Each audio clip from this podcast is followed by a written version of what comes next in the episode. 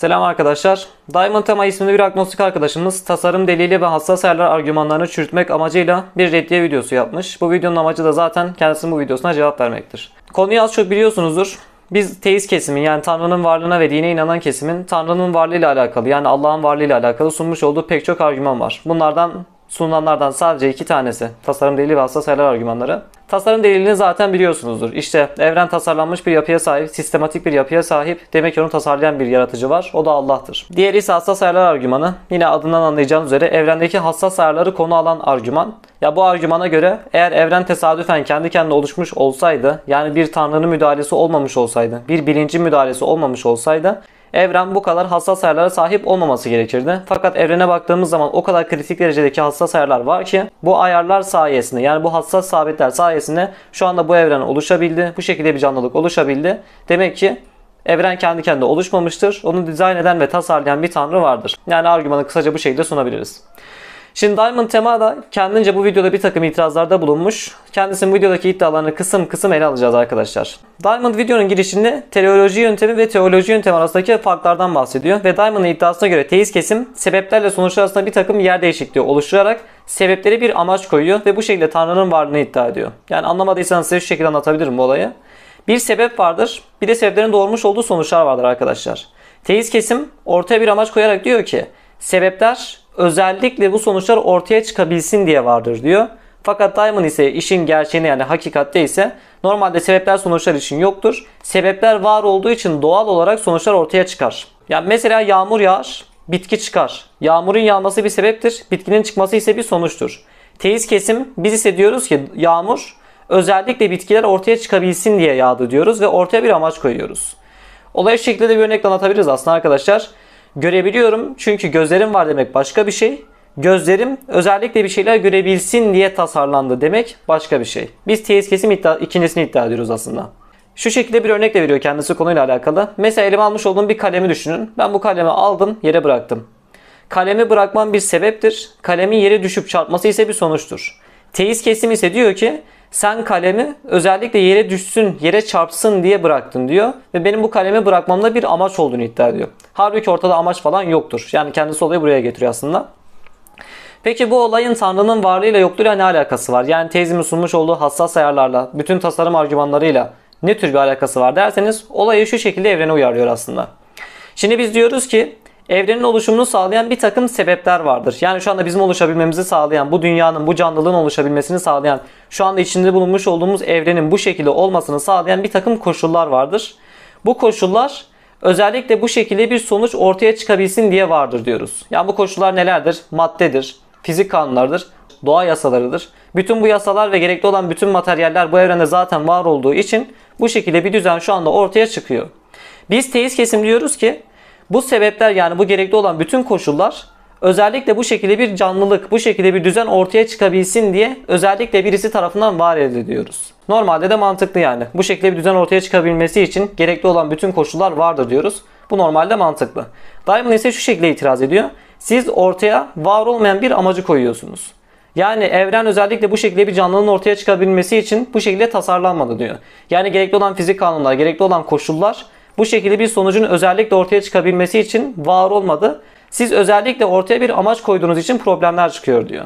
Yani bir nevi temel fark aslında ortaya amaç koyup koymamakla alakalı. Biz teist kesin bu varoluşun sebebin bir amacı vardı diyoruz. Diamond ise bu sebeplerin herhangi bir amacı yoktur. Doğal olarak bu şekilde bir sonuç ortaya çıkmıştır diyor. Kısaca bu şekilde özetleyebilirim. Peki bu noktada hangi kesim haklı? Normalde bilimsel olarak bakacak olursak yani tabi normalde varlık konusu bilimin alanı değildir. Felsefenin alanıdır ama birazdan bahsedeceğim bilimsel delillere baktığınız zaman normalde felsefi olarak biz haklıyız arkadaşlar. Şimdi sebep sonuç ilişkisiyle alakalı şu şekilde basit bir örnek vereceğim ben size. Benim rastgele bir taşa dokunup devirmemde herhangi bir amaç olduğunu iddia edemezsiniz. Mesela bir taşı düşünün. Ben taşı yittim, taş da devrildi. Taşı itmem bir sebeptir, taşın devrilmesi ise bir sonuçtur. Burada bir amaç olduğunu iddia etmenize gerek yoktur yani normalde. Fakat 50 tane domino taşını yan yana dizmişsem yani yan yana dizilmiş olan hassas bir şekilde yani her bir taş bir diğer taşı devirecek şekilde ince ve hassas ayarlara sahip bir şekilde dizayn edilmiş bir domino taşı sırası varsa ve ben de buradaki ilk taşı deviriyorsam bu noktada diyebilirsiniz ki sen birinci taşı özellikle 50. taşın devrilmesi için devirdin diyebilirsiniz. Neden? Çünkü ortada bir nevi deterministik belirlenmiş bir ortam var. İlk taşı devirdiğim zaman birinci taşın ikinci taşı, ikinci taşın üçüncü taşı devireceği zaten belirlenmiştir. Bu bilinen bir şeydir yani. Rastgele devirmiş olduğum bir taşta amaç olduğunu iddia edemezken benim domino taşlarını devirmemde bir amaç olduğunu iddia edebilirsiniz. Peki arasındaki ayrımı neye göre yapıyorsunuz? Birisine belirlenmişlik yokken yani rastgele devirmiş olduğum bir taşta herhangi bir amaç veya sonuç görünmez iken domino taşlarında bir amaç olduğunu görüyorsunuz. Neden? Ya çünkü taşlar birbiri ardınca dizilmiş. Özellikle sanki birileri biri diğerini tetikleyecek şekilde. İlk taş diğerini, ikinci taş üçüncü taşı. Her bir taş bir sonrakini devirecek şekilde dizayn ettiği için burada bir amaç olduğunu iddia edebiliyorsunuz. Peki evren bu iki örnekten hangisine uyuyor? Rastgele devrilen bir taş örneğine mi uyuyor yoksa domino taş örneğine mi uyuyor? Hassas ayarlar ve determinizm sebebiyle evren ikinci örneğe uyuyor arkadaşlar. Yani ortada bir amaç olduğunu iddia etmemiz gayet normal oluyor. Evrenin başlangıç anından itibaren ki zaten bunu ben kendim uydurmuyorum. Bu fizikçilerin bilim insanlarının söylemiş olduğu bir şey. Evrenin başlangıcından itibaren şu anda bu şekilde bir canlılığın oluşacağı, bu şekilde bir düzenin oluşacağı, yani tabiri caizse doğa kanunları sonucunda canlılığın oluşacağı, bu canlılardan bir tanesinin insan olacağı, insanın bu şekilde yetişip zekası artık mikro boyutta evrim geçirerek bütün evreni anlayacak şekilde bir evrim geçireceği, bu şekilde bir canlılığın, bu şekilde bir evrenin ve düzenin oluşacağı aslında evrenin başlangıç anından itibaren zaten belirliydi. Neden? Çünkü her şey zaten mikro ve makro boyutu tartışmalı olmakla birlikte genel kabule göre söylüyorum. Makro boyutta evren deterministik yani belirlenmiş bir yapıya sahiptir. Yani bundan milyarlarca yıl öncesine gittiğimiz zaman o Big Bang demiş olduğumuz tekilliğe gittiğimiz zaman bile evrenin başlangıç anından itibaren bu şekilde bir canlının oluşacağı zaten belirliydi. Yani bir nevi yazılmış olan hali hazırda bulunan bir senaryo var ve bu birisi bu senaryoyu Big Bang anından itibaren bilerek tetikliyor. Bu şekilde bir manzaraya baktığımız zaman yani domino taşı örneğinde olduğu gibi yani Big Bang ortaya çıkacak. Ondan sonra madde ortaya çıkacak. Madde ortaya çıktıktan sonra fizik kanunları ortaya çıkacak. Fizik kanunları sayesinde işte galaksi oluşacak vesaire vesaire. Film daha uzun uzadıya gidiyor. Dünya oluşacak. Dünyada bir canlılık oluşacak. Canlılıktan sonra insanlık oluşacak. İnsan gelişecek ve şu anda bütün bu senaryoyu görecek. Bu şekilde bir senaryo görüyoruz arkadaşlar. Bu şekilde bir senaryonun varlığı bile normalde bu şekilde bir senarist bu şekilde bir senaristin var olduğunu, yani bu şekilde bir yazarın var olduğunu, bir Allah'ın varlığını ispatlar. Fakat şu an ana konumuz bu değil. Normalde sadece şu olaya baksanız bile Tanrı'nın varlığını anlayabiliyorsunuz. Evren bu şekilde deterministik bir yapıya sahip olduğu için yani başlangıç andan itibaren olmuş oluşacak hatta bizden milyonlarca yıl sonra bu evrende neler olacağı dahi belirlenmiş bir yapıda olduğu için evren domino taşı örneğine uyuyor. Demek ki ortada varoluş amacını iddia etmek gayet mantıklı bir sebep. Hatta varoluşun amacı olduğunu iddia etmemiz zorunlu bir şey. Çünkü domino taşlarını deviren bir adamı gördüğümüz zaman burada bir amaç var. Burada birinci taşın devrilmesinin amacı 50. taşın devrilmesidir. Neden? Çünkü her biri bu şekilde birbiri ardınca dizilmiş. Her biri bir diğerini tetikleyecek şekilde dizayn edilmiş. Demek ki burada bir amaç var. Demek ki bunu yapan ve bunu tetikleyen yani ilk taşı deviren kişinin bir amacı vardı demek nasıl bir zorunluluksa evrenin deterministik yani bu şekilde belirlenmiş kaderci yapısına bakarak da bir amacın var olduğunu iddia etmek, bütün sebeplerin ve koşulların bu şekilde bir sonuç için var olması gerektiğini iddia etmek gayet mantıklıdır. Hatta zorunludur. Tıpkı domino taş örneğinde olduğu gibi. Aslında işin şöyle bir boyutu da var. Normalde evren deterministtir. Evren belirlenmiştir dedikten sonra bile evreni bu şekilde belirleyen ve dizayn eden bir tanrının varlığını anlayabiliyoruz.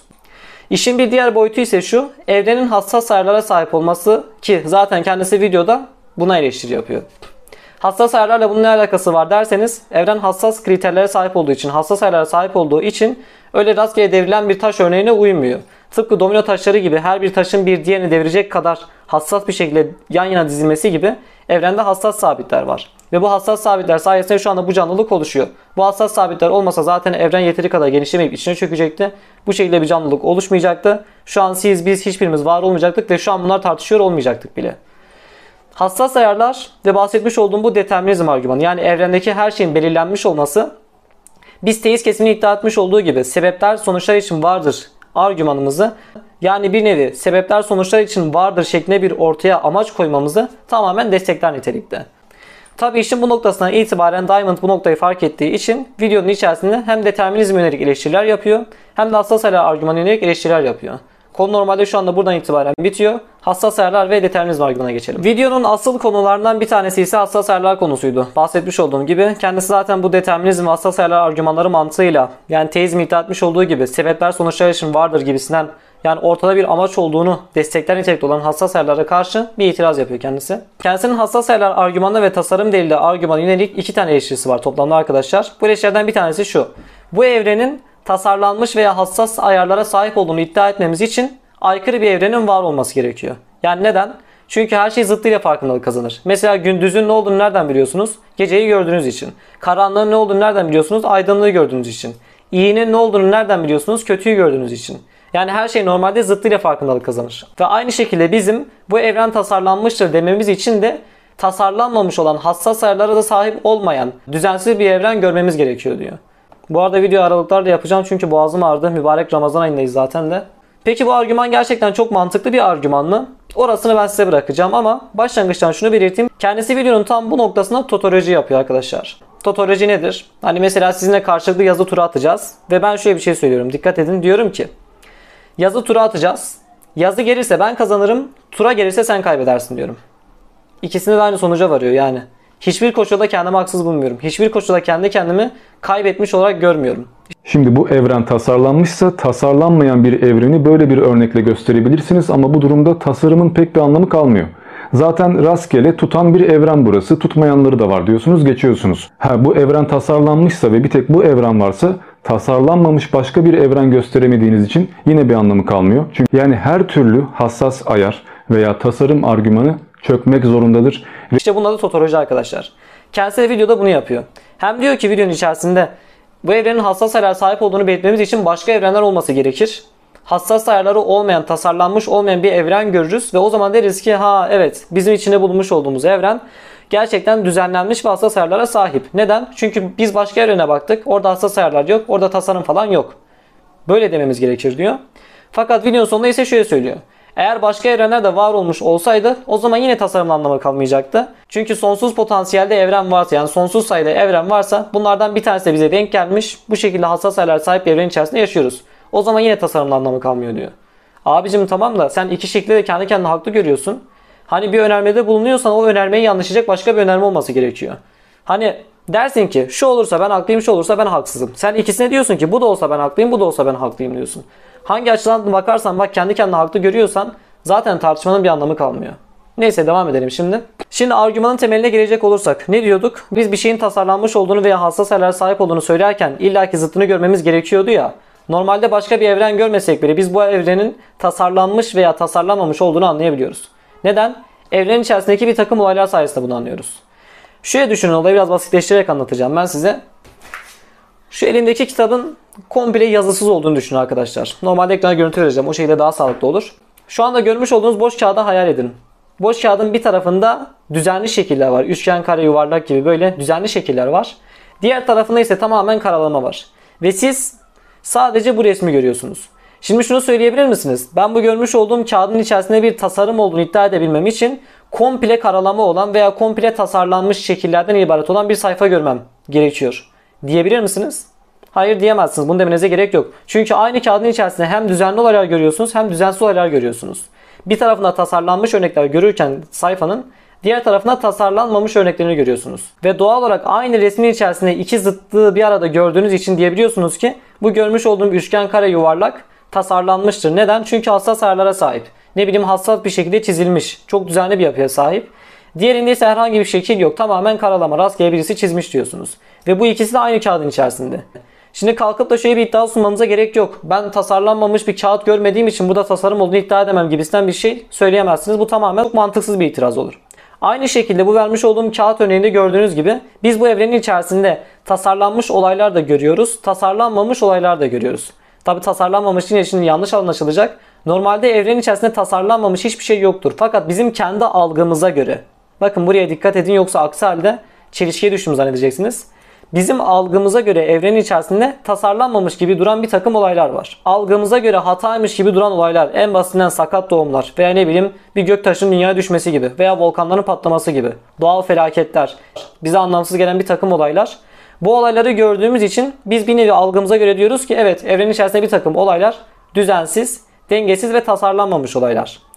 Bunları görebildiğimiz için evrenin diğer yapısına baktığımız zaman yani fizik kanunlarını gördüğümüzde evrenin başlangıcına baktığımızda determinizme baktığımız takdirde yani bir nevi en basitine yani her insan anlayacağı şekilde bir örnek vereyim. Yani hiçbir şey bilmeyen bir insanın bile anlayacağı bir örnek vereyim. Ya yani güneşin doğup batmasını gördüğümüz zaman toprağa ektiğimiz bir tohumdan bir bitkinin çıktığını gördüğümüz zaman bile diyebiliyoruz ki evet burada bir düzen var. Neden?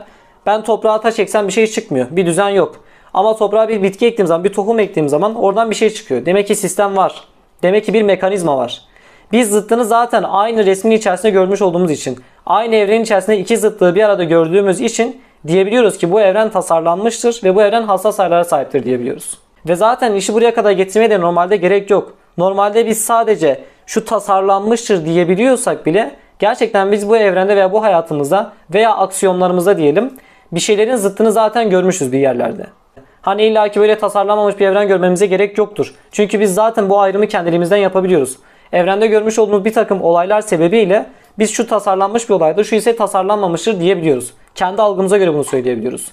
Bu durumda kalkıp da bu evrenin tasarlandığını söylememiz için başka bir evren olması gerekir gibi sen bir argüman atmak çok da doğru bir argüman değil açıkçası. Konuyla alakalı yani hassas ayarlar ve tasarım argümanıyla alakalı sunmuş olduğu ikinci eleştirisi ise şu.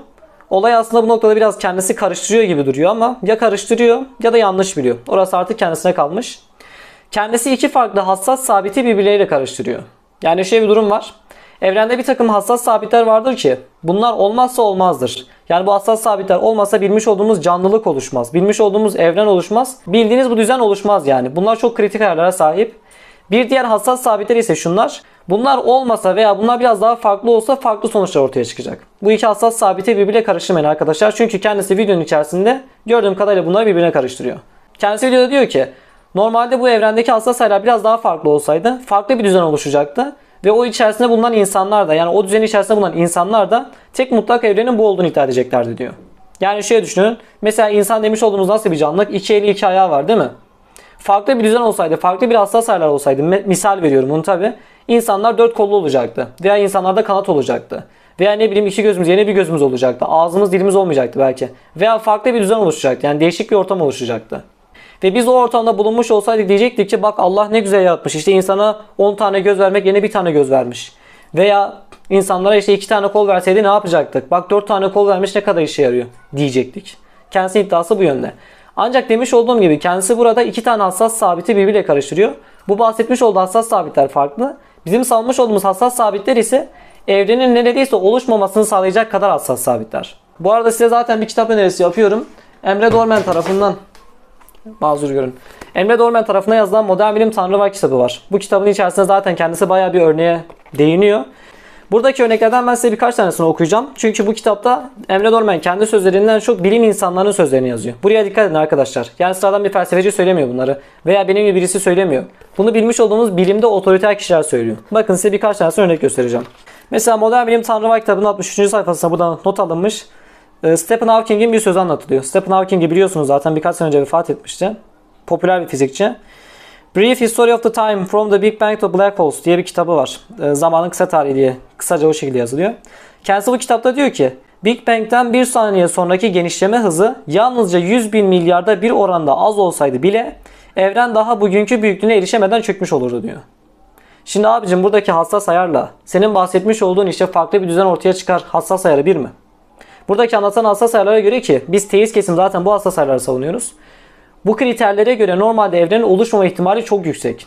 Birazcık daha farklı olsa bu şekilde bir canlılık oluşmayacak. Seni beni bırak yani bu evrenin kendisi oluşmayacak neredeyse. Stephen Hawking zaten bunu söylüyor. Başka örnekler de var tabi bu konuyla alakalı. Mesela fizikçi Paul Davies var. Diyor ki evren biraz bile daha yavaş genişleseydi çekim gücü nedeniyle içine çökecekti. Yine aynısını söylüyor. Biraz daha hızlı genişleseydi evrenin maddesi tamamen dağılıp gidecekti diyor. Yani her halükarda az bir şey farklılık olsa yani az bir şey hızlı olsa evrenin genişleme hızı veya az bir şey yavaş olsa bu canlılık oluşmayacak.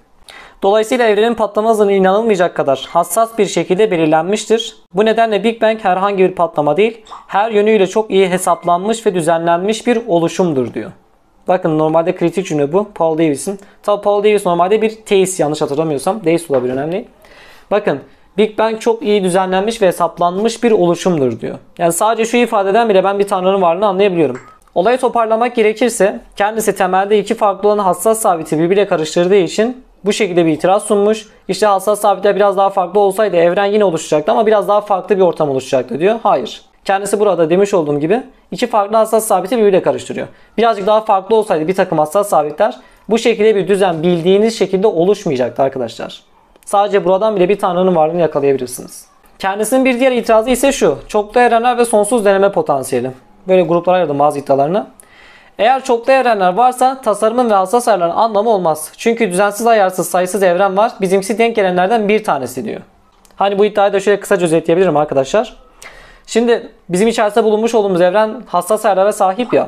Diamond diyor ki eğer sonsuz sayıda evrenler varsa bunların da her biri bir diğerinden farklı olacaksa bu durumda zaten şaşırmaya gerek yok. Milyonlarca yani sayısız milyonlarca evren oluşmuş. Bunlardan bir tanesi de bu şekilde hassas ayarlara sahip olarak ortaya çıkmış. Biz de bu şekilde oluşmuşuz. Bu durumda çok da şaşırmaya gerek yok yani. Sonsuz denemelerden illaki bir tanesi bu şekilde bir sonuç ortaya çıkarabilir diyor. Normalde zaten M kuramlı yani çoklu evrenler kuramlı savunanların herkesin kullanmış olduğu ortak bir söz. Normalde bu kuram bana oldum olası hep kaçamak bir cevap olarak gelir ama biz yine bu kuramın doğru olduğunu varsayacağız. Normalde dediğim gibi bu teorinin bir ispatı bile yok. Bu sadece bir varsayım üzerine. Yani böyle olduysa o zaman şaşırmaya gerek yoktur gibisinden bir varsayım yapılıyor. Bir ispatı olan bir şey değil yani. Anahtar üreten bir mekanizma düşünün arkadaşlar. Bir tane mekanizma var. Açmanız gereken de bir tane kapı var. Bu mekanizma sonsuza kadar anahtar üretiyor. Siz de bütün anahtarı alıp hepsini teker teker deneyip bu kapıyı açmaya çalışıyorsunuz. Sonsuz sayıda bu kadar anahtar üretiliyorsa bunlardan illaki bir tanesi denk gelecek ve siz kapıyı açacaksınız.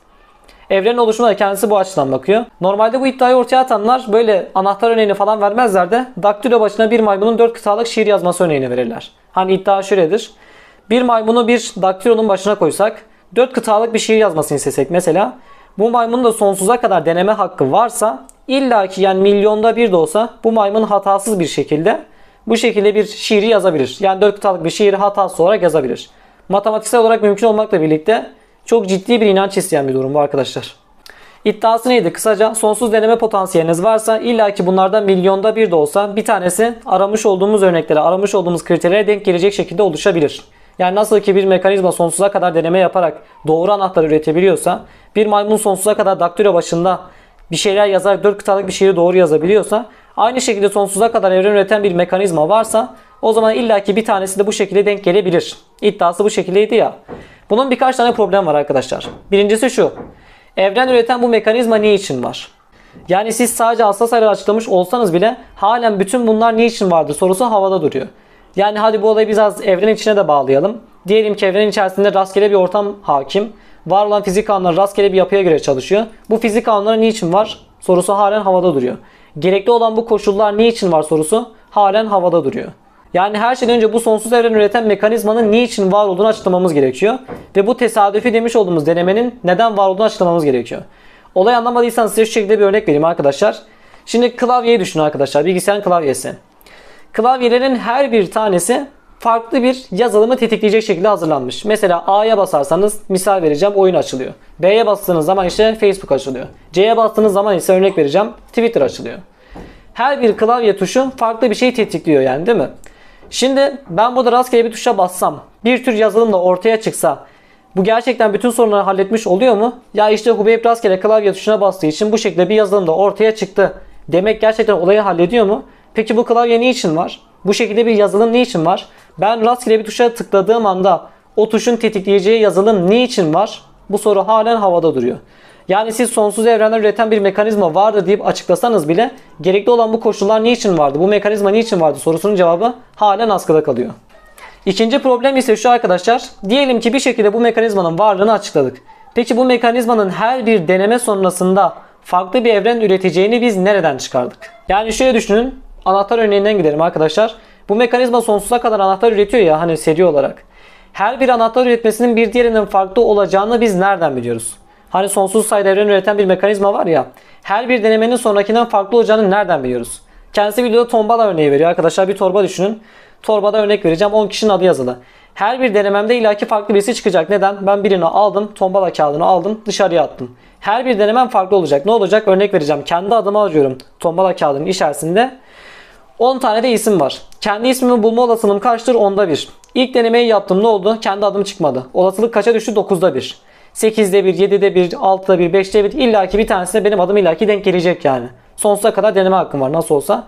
Ancak evrenin bu şekilde bir tombala örneğine uyduğunu yani bu sonsuz evren üreten mekanizmanın her bir denemesinin bir diğerinden farklı olduğunu nereden biliyoruz? Hadi bunlar da geçtik arkadaşlar. Bu ikisini bir şekilde açıkladık diyelim. Peki bu mekanizmanın bu şekilde bir şeyi tetiklemesini sağlayan şey nedir? Sorusu halen havada kalıyor. Şimdi olayı biraz örnekle açıklayacağım arkadaşlar. Klavyeyi düşünün arkadaşlar. Bilgisayarın klavyesi. Klavyenin yani sonsuz sayıda klavye tuşlarının var olduğunu düşünün arkadaşlar. Klavyedeki her bir düğme tıkladığım anda başka bir evren oluşuyor diyelim. Mesela bir yazılım programı düşünün arkadaşlar. Bu programların içerisinde ben rastgele klavyenin bir tuşuna bastığım anda birden bir evren ortaya çıkıyor diyelim değil mi? Mesela A harfine bastım örnek vereceğim. Bizimki gibi bir evren oluşuyor. B'ye bastığım zaman birazcık daha farklı bir evren oluşuyor. C'ye bastığımda sadece hayvanların var olduğu bir evren oluşuyor diyelim. Bu şekilde bir mekanizmanın var olduğunu düşünün. Peki ben burada rastgele bir düğmeye bastığım anda yani rastgele klavyenin bir tuşuna bastığım anda farklı evrenler ortaya çıkıyor ya.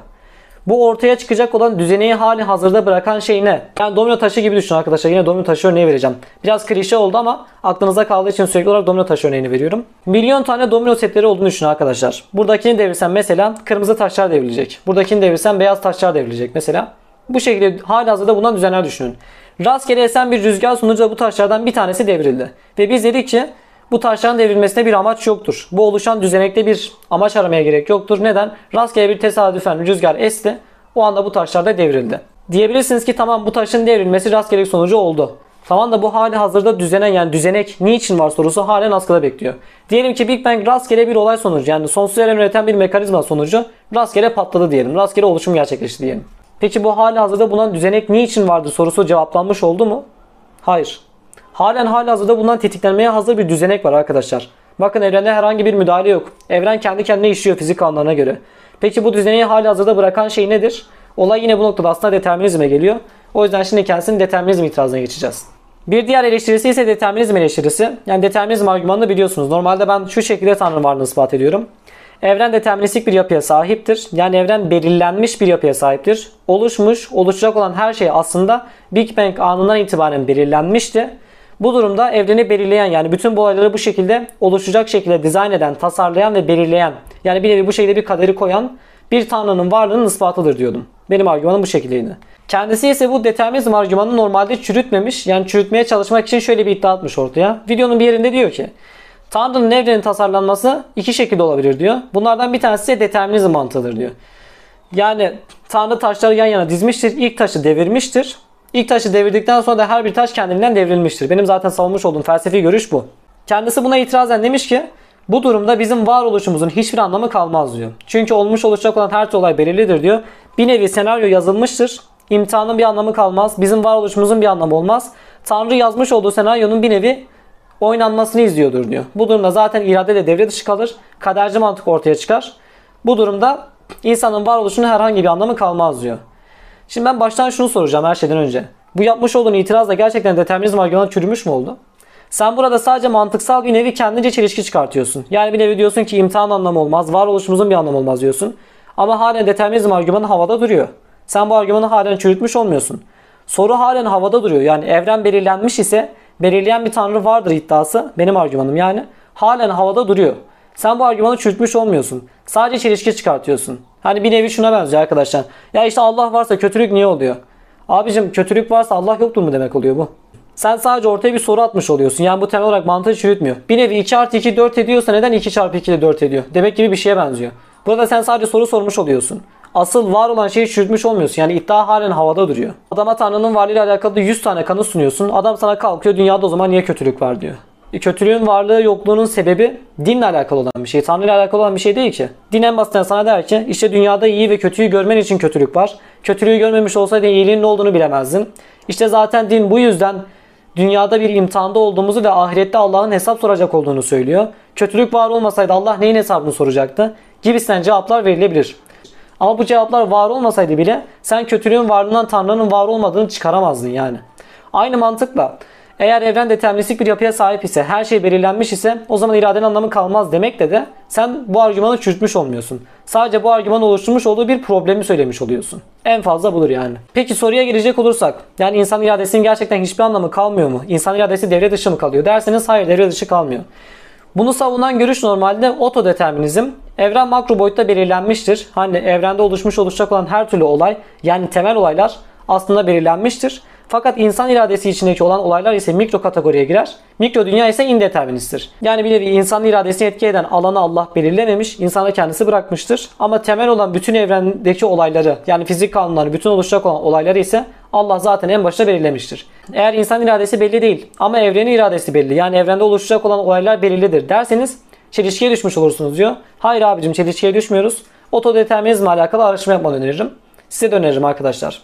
Bu arada benim ses iyice gitti. Yarım saattir konuşuyorum. Zaten siz şu anda videonun ne kadar izliyorsunuz bilmiyorum ama ben videoda bayağı bir konuştum. Sesim gitti. Biraz ara vereceğim. Videodaki kendisinin bir diğer iddiası ise şuydu arkadaşlar septizm. Yani septizm derken biz evreni aslında anlayan mutlak merci değiliz. Aklımız bizi yanıltıyor olabilir. Algılarımız bize yanlış gösteriyor olabilir. Biz evren hakkında çıkarımlar yaparken sürekli olarak dünyada gözlemlemiş olduğumuz olaylardan ötürü çıkarımlar yapıyoruz. Mesela bir resim gördüğümüz zaman ressamı vardır diyoruz ya. Bunlar evren içi örnekler. Biz bu evren içi örnekleri evrene uyarlıyoruz iddiası. Aslında olayı şu şekilde de anlatabilirim size arkadaşlar. Hani biz bir takım çıkarımlar yaparken akli çıkarımlar yapıyoruz ya. Örnek vermek gerekirse evren hassas ayarlara sahiptir. O halde bu hassas ayarları koyan, yerleştiren bir tanrı vardır diyoruz ya. Biz bu çıkarımları hep akıl yoluyla yapıyoruz. Veya evren tasarlanmıştır derken bile akıl yoluyla bu çıkarımları yapıyoruz. Evrenin başlangıcı vardır. O halde onu başlatan bir sebep de vardır falan derken hep akıl yoluyla yapıyoruz ya. Diamond diyor ki biz bu çıkarımları yapmamız için evreni anlayan mutlak tek merci olmamız gerekiyor. Aklımız, algılarımız bizi yanıltıyor olabilir. Bu argümanları söylerken hep kendi algımızı kullanıyoruz. Yani aksiyonlarımızı kullanıyoruz. Fakat biz bu aksiyonların geçerli olduğunu, algı, algımızın doğru olduğunu, beynimizin bizi yanıltmadığını bilemeyiz. Ben buna septizm diyorum normalde. Kendisi de farkında olarak veya olmayarak olayı bu noktaya getirmiş. Hatta videonun içerisinde kendisi şunu söylüyor. Aklımız mutlak merci değildir. Bizi evreni anlayan tek mutlak merci olmadığımız için algımız bizi yanıltıyor olabilir. Algınız dış dünya ile uyumsuz olabilir. Buraya getiriyor olay aslında. Bir de tabii yan iddiaları da var. Normalde bizim bu tarz tasarım varsa tasarımcı vardır gibisinden çıkarımlarımızın sürekli olarak bir resim ve ressam örneği görmemiz alakalı olduğunu söylüyor. İlk olarak algımız bizi yanıltıyor olabilir. Acaba hakikat yani gözlemlemiş olduğumuz hakikatle bizim algılamış olduğumuz hakikat gerçekte bir mi? Konusunu ele alayım arkadaşlar. Algımız bizi yanıltıyor olabilir mi? Normalde olamaz arkadaşlar. Eğer algımız dış dünyayla yani bu evrenle tamamen uyum içerisinde olmamış olsaydı en basitinden bilimin ve teknolojinin olmaması gerekirdi. Şu an biz evreni kendi lehimize göre kullanabiliyorsak, evreni kendi çıkarlarımız için kullanabiliyorsak bu algımızın dış dünyayı doğru kavramış olduğunu en açık ispatıdır. Olay anlamanız için size şöyle bir örnek verebilirim. Biraz kitap örneği olacak bu. Evrenin bir kitap olduğunu düşünün. Bu kitabın da okuyucuları bizleriz. Ve evrenin bir dili var. Matematiktir, fiziktir, kimyadır. Evrenin kendince bir dili var yani. Şimdi biz bu kitabı elimize alıp okuduğumuz zaman eğer bu kitabı biz doğru anlamıyor olursak, yanlış anlıyor olursak kitabı okuduğumuz yerde hiçbir şeyi anlamamamız, anlamamamız gerekiyor. Mesela siz Türksünüz. Ben size Türkçe bir kitap verdim. Bu kitapta bir takım talimatlar var. İşte bu kitap size bilgisayar tanıtacak. Mesela işte örnek vereceğim. Bilgisayarın şu düğmesine basarsan diyor bilgisayar çalışır diyor. Veya şu şu kodları yazarsam bilgisayarda şu programlar açılır diyor. Bu talimatı okuyoruz yani. Eğer bizim dilimiz bu kitabın diliyle uyumlu değilse, biz bu kitabı yanlış anlıyorsak o halde bizim buradaki talimatları uyguladığımız zaman hep hata yapmamız gerekiyor. Fakat talimatları uyguladığımız zaman aynen kitapta yazan sonuçlar çıkıyorsa, doğru anlıyorsak bu kitabın bizimle uyumlu olduğunu ispatıdır. Evrenin bir kitap olduğunu düşünün. Evrenin de dilini okuyan insanların da biz olduğumuzu düşünün. Eğer bizim algımız dış dünyayla yani gerçeklikle zıt olmuş olsaydı, yanlış olmuş olsaydı, eğer algımız bizi yanıltıyor olsaydı o halde şu an teknolojinin bile var olmaması gerekirdi. Ama bakın biz şu anda dış dünyayı doğru yorumladığımız, doğru algıladığımız için bilim de yapıyoruz, teknoloji de yapıyoruz. Evreni kendi lehimize göre kullanabiliyoruz. En basitinden ne zaman yağmur yağacak bunların hesaplarını yapabiliyoruz. Toprağa ne ektiğimiz zaman ne çıkacağını biliyoruz. Eğer algınız dış dünyayla tamamen uyumsuz olsaydı, algınız bizi yanıltıyor olsaydı çok basit bir örnek olacak da buğday ektiğim zaman karpuz çıkması gerekirdi. Veya ne bileyim günlerin, ayların hesaplarını yapamıyor olmamız gerekirdi.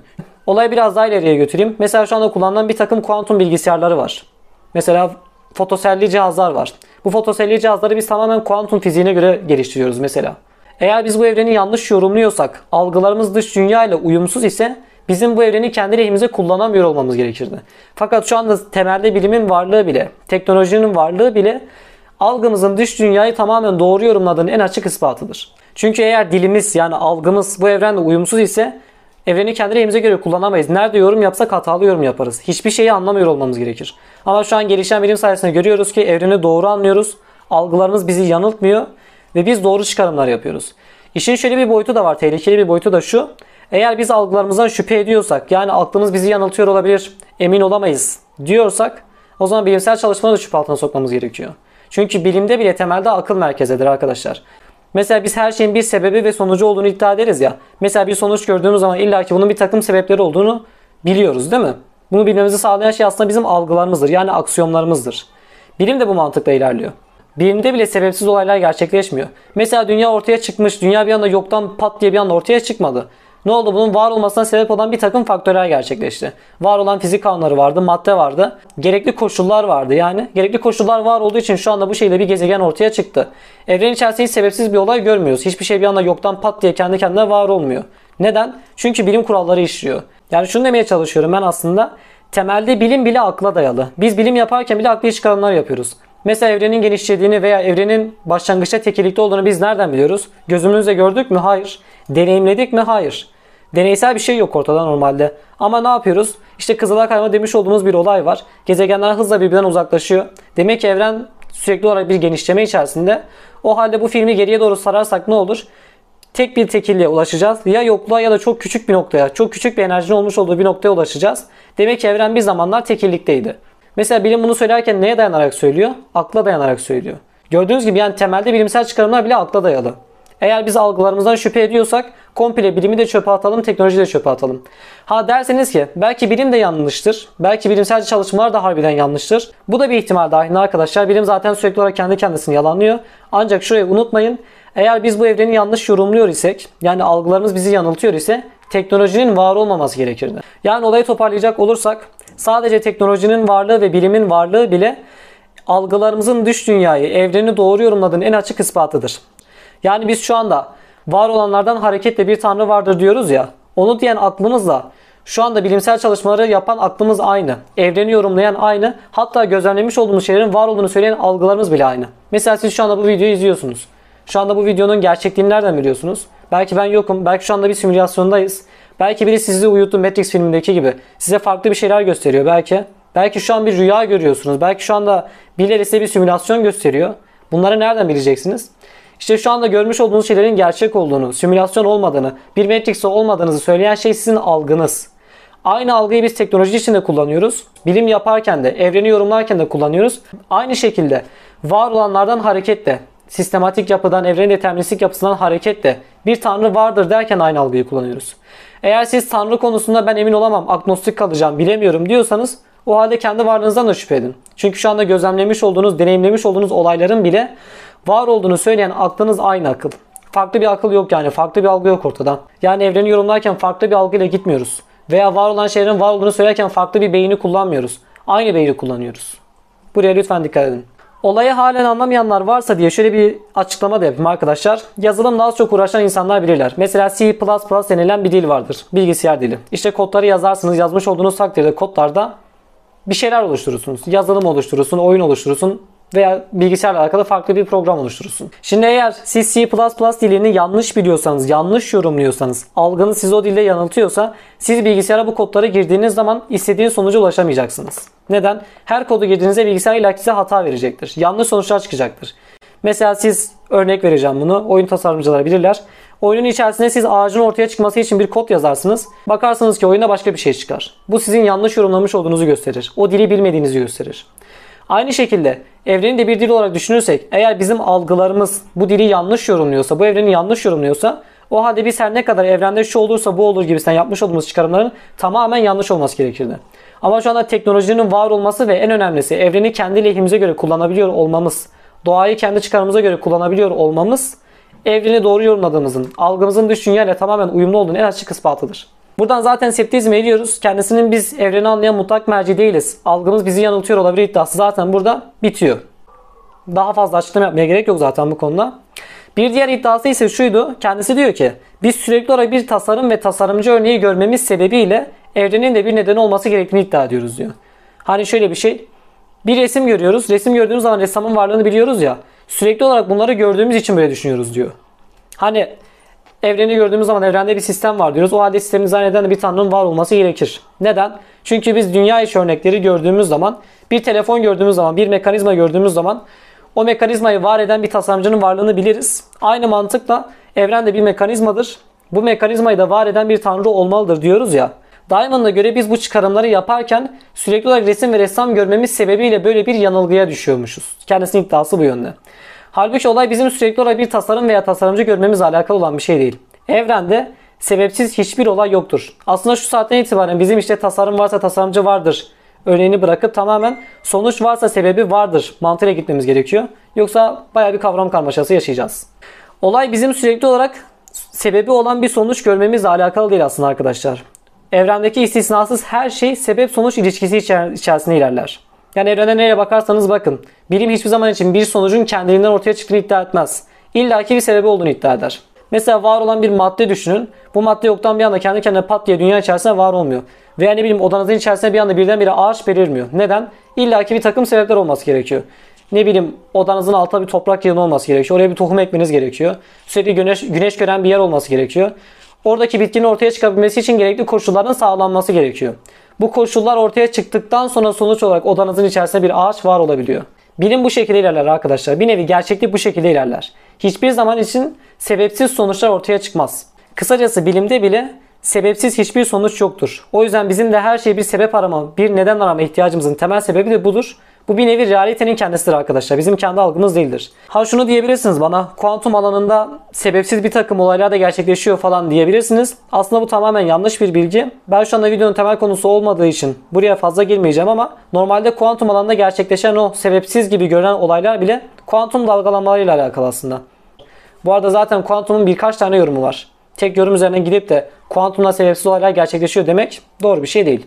Fazla uzatmamak için ben kuantum detayına girmeyeceğim. Çünkü konumuz bayağı bir uzun. Olayı kısaca toparlamak gerekirse Olay neydi ya kafam dondu benim. Olayı kısaca toparlamak gerekirse bizim var olan her şey bir sebep arama ihtiyacımız, evrendeki tasarıma, evrendeki bu rasyonel yapıya bir sebep arayıp bu sebebin de Tanrı olduğunu iddia etmemizin temel sebebi aslında bizim aksiyonlarımız değildir temelde. Çünkü olan biten her şey sebep sonuç ilişkisi içerisinde gerçekleşmiş olduğu için Diamond'ın iddia etmiş olduğu gibi bir durum ortada yok. Yani olay bizim sürekli olarak bir tasarım ve tasarımcı görmemiz alakalı olan bir şey değil. Gerçekliğin bu şekilde olmasıyla alakalı olan bir durum var aslında. İşin bir de şöyle bir boyutu var. Başlangıçta bahsetmiştim. Evren deterministik bir yapıya sahip. O halde bizim şu anda bu şekilde düşüncelere sahip olacağımız bile aslında en baştan itibaren belirlenmişti. Bir nevi sanki bizi var eden etken bizim bu şekilde düşünmemizi istiyor. Hani biz var olanlardan hareketle bir tanrı vardır diyoruz ya. Bir nevi birileri bizim zaten bu şekilde düşünmemizi istediği için bu şekilde tasarladı bizi. Bizim algılarımızın bu şekilde olması bile aslında bizim bu şekilde düşünmemizi isteyen bir bilincin var olduğunun açık ispatıdır. Evren deterministi. İnsan bu şekilde düşünecek şekilde belirlenmişti. O halde birileri gerçekten insanların Tanrı'nın varlığı sonucu ulaşmasını istiyor. Buradan bile aslında bir Tanrı'nın varlığını anlayabilirsiniz. Orayı size bırakıyorum. Bu arada şu ana kadar anlatmış olduğum bütün konular kendisinin iddialarının böyle gruplaştırılmış haliydi. Hani kendisinin videonun içerisinde ara ara sunmuş olduğu başka başka iddialar da var. Şimdi onlara geçeceğiz ama temel olarak videodaki eleştirileri bunlardan ibaretti. Bir de videonun içerisinde kendisi kelam kozmolojik argümanına yönelik. Yani evrenin bir başlangıcı vardır. O halde evreni başlatan bir sebep vardır. O da Allah'tır. Argümana yönelik bir takım itirazlarda bulunuyor. Ben kendi savunmuş olduğum felsefi görüşler ve B teorisi sebebiyle ben kelam kozmolojik savunucusu değilim. Savunucusu olmadığım için de bu videoda savunmasına 2 saat zaman ayırmayacağım. Çünkü video bayağı bir uzadı. Ben size bir tane makale yönlendirme yapacağım. Oradan okumanızı tavsiye ederim. Çünkü kendisinin sunmuş olduğu itirazlara karşı kelam kozmolojik savunucusu olan Müslümanlar da bir takım itirazlarda bulunuyorlar.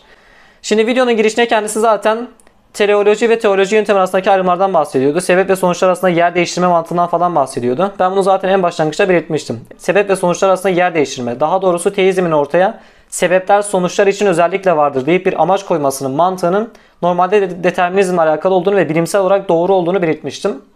O yüzden tekrar girmemize gerek yok. Ancak kendisi yine ilave olarak şöyle bir eleştiri de sunuyor. Bir örnek daha vereyim. Kendisi söylüyor bunu. Görebiliyorum çünkü gözlerim var demek başka bir şey. Gözlerim ben bir şeyler görebileyim diye var demek başka bir şey diyor. İkincisini ortaya amaç koyuyorsunuz diyor. Mesela şu anda beni duyuyorsunuz çünkü kulaklarınız var. Ama kulaklarınız özellikle beni duyabilmeniz için tasarlanmadı diyor. Evet kulaklarımız özellikle seni duyabilmemiz için tasarlanmadı. Veya gözlerimiz özellikle seni görebilmemiz için tasarlanmadı. Ancak başlangıçta belirtmiş olduğum gibi evrenin deterministik ve hassas ayarlara sahip olması sebebiyle kulaklarımız özellikle bir şeyler duyabilmemiz için tasarlandı. Gözlerimiz özellikle bir şeyler görebilmemiz için tasarlandı. Bunu nereden anlıyoruz? Determinizm. Videonun başına zaten değinmiştim. Mesela var olmayan bir organınızın yokluğunu hissetmiyorsunuz diyor. Kuyruğumun yokluğu kuyruğum olamasın diye var gibisinden bir şey söylemezsiniz. Bu saçma olur diyor. Evet saçma olur. Ve senin yapmış olduğun kıyasla da bu kıyasın herhangi bir alakası yok maalesef. Videonun ilerleyen dakikalarında kendisi madde ezeli mi değil mi muhabbetine giriyor. Bir şey ya ezelidir ya da sonradan ortaya çıkmıştır diyor. Burada biraz antik Yunan'daki ateist kavramından falan bahsediyor. Binlerce yıldır teizm ve materyalizm arasında devam eden bu madde ezeli mi değil mi tartışmasından falan bahsediyor. Kısacası kendisi diyor ki teist kesim maddenin sonradan ortaya çıktığı konusunda bilimsel verileri çarpıtıyor diyor. Big Bang aslında maddenin sonradan ortaya çıktığını falan ispatlamıyor diyor. Burada size bir makale önereceğim arkadaşlar. Kelamı kozmolojik argümana yönelik genel eleştiri baz alıyor. Fakat tabii ben de burada es geçmeden bir takım itirazlara kendim cevap vereceğim. Şimdi kendisinin bu argümanla alakalı sunmuş olduğu ilk itiraz şu. Şimdi argümanımız neydi?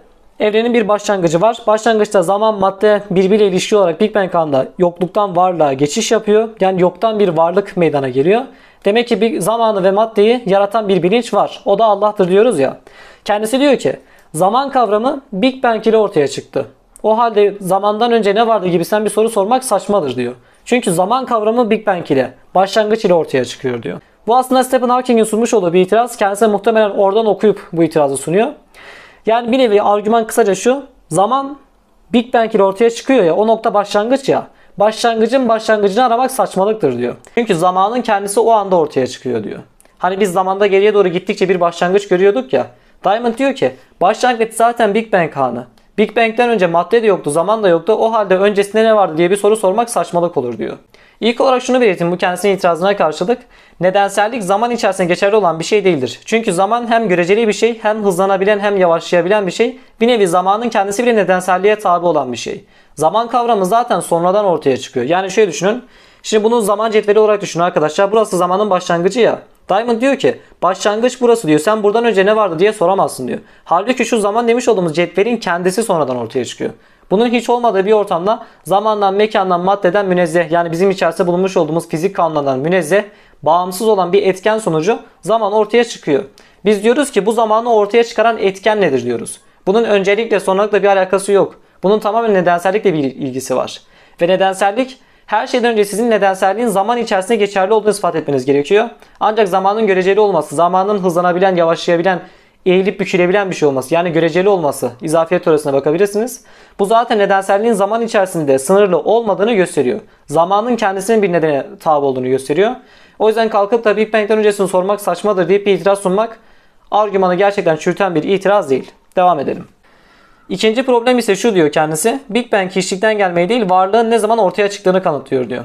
Şimdi bu alanda sen de otoriter değilsin. Ben de otoriter değilim. İkimiz de fizikçi falan değiliz. Bu alanda otoriter insanların sözü bizim için önemli. Sen nasıl ki bilim insanının okumuş olduğun kitaplara ve makalelere dayanarak bir şeyler söylüyorsan ben de aynı şekilde kitapları okuyarak, aynı şekilde makaleleri okuyarak bir şeyler söylüyorum. Big Bang'in Big Bang'den önce hiçbir şeyin var olmadığını söyleyen fizikçi insanlar var. Bununla alakalı zaten kaynak vereceğim. Bu adamlar Big Bang'den önce hiçbir şey yoktu diyorsa, madde, zaman hiçbir şey yoktur diyorsa o halde bizim kalkıp da halen Big Bang aslında hiçlikten gelmeyi ispatlamıyor dememiz çok da doğru bir itiraz değil. Devamında diyor ki çünkü belki de Big Bang'den önce bir şeyler vardı diyor. Belki de Big Bang'den önce bir şeyler vardı diyor. Evet vardı zaten biz teizmin iddiası bu zaten. Big Bang'den önce bizim bilmiş olduğumuz, algılamış olduğumuz zaman, mekan ve maddeden münezzeh olan bir ortam vardı. O ortamda da Tanrı vardı diyoruz. Neden? Çünkü Big Bang zaten bunu bilim insanları söylüyor. Şu sözüme dikkat edin. Fizikçi Paul Davies diyor ki Big Bang her yönüyle çok iyi düzenlenmiş bir oluşumdur diyor. Her yönüyle çok iyi hesaplanmış bir oluşumdur diyor. Ve bu saatten sonra zaten bunu Tanrı'ya bağlamaktan başka herhangi bir seçenek yok. Biz zaten ortada var olan bir bilinçten bahsediyoruz. Big Bang'i düzenleyen, hesaplayan ve tetikleyen etken neyse bilinçli bir varlık olmalı. O bilinçli varlığa da biz zaten Tanrı diyoruz. Belki Big Bang zamansızlık demek değildi diyor. Evet. Burada Big Bang'in yani olduğu yerde zaman olmasa bile başka bir yerde belki zaman vardı diyor. Az önce değinmiştim zaten. Tek evren bu evren olmayabilir. Belki de Big Bang bambaşka bir şeydir diyor.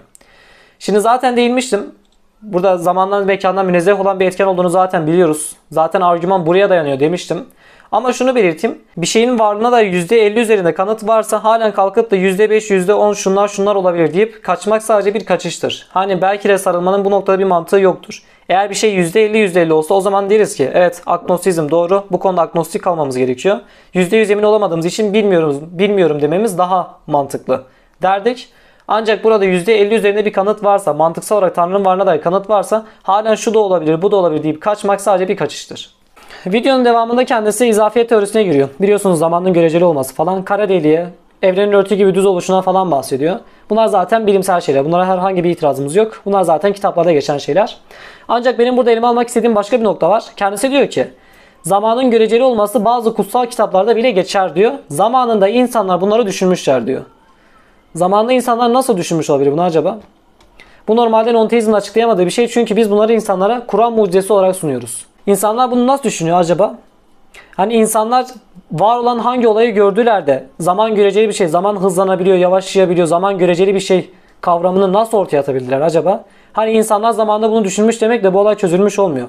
Hadi insanlar bir şekilde zamanın göreceli olduğunu iddia ettiler diyelim. Misal işte geceleyin uyurken zaman çok hızlı geçiyor. Demek ki zaman göreceli falan demiş olabilirler. En kötü ihtimalle düşünüyorum şu anda. Tamam da bir insan sadece zamanın göreceli olduğunu buradan yakalasa bile Kur'an-ı Kerim'de hem nasıl genel izafiyete hem de özel izafiyete değiniyor ki. Biliyorsunuz ki zamanın hem genel izafiyet teorisi var hem de özel izafiyet teorisi var. Birisi harekete bağlı, diğeri ise mekana bağlı. Hani yer çekiminden uzaklaştıkça zamanın hızlanıp yavaşlamasıyla alakalı olan bir şey. Hatta Stephen Hawking bunu kitabında şöyle bir örnek verir. Bir ikiz düşünün arkadaşlar, tek yumurta ikizleri. Bu ikizlerden bir tanesini yer çekimine en yakın yere koyalım. Birisini yer çekimden en uzak olan bir yere koyalım. Aradan 20 sene geçtikten sonra biri diğerinden daha çabuk yaşlanmış oluyor. Çünkü zaman göreceli bir şey. Bununla alakalı başka başka testler de var da şu an konumuz o değil. Şimdi birisi özel izafiyet. Demiş olduğum gibi diğeri ise genel izafiyet. Birisi yer çekimine, birisi ise hıza dayalı. Kur'an-ı Kerim'de ise ikisine birden atıf var. Meali suresinin 4. ayette ne diyor? Süresi 50 bin yıl olan bir günde ona yükselir diyor. Yükseliş hızına atıf yapmış bakın. Diğerinde ise Allah katında Allah katına bir gün sizin saya geldiğiniz bin yıl gibidir diyor. Bir mekanda yani farklı bir mekanda zamanın göreceli olduğundan bahsediyor. Kur'an hem bir ayetine genel izafiyete değiniyor hem de diğer ayetine özel izafiyet teorisine değiniyor.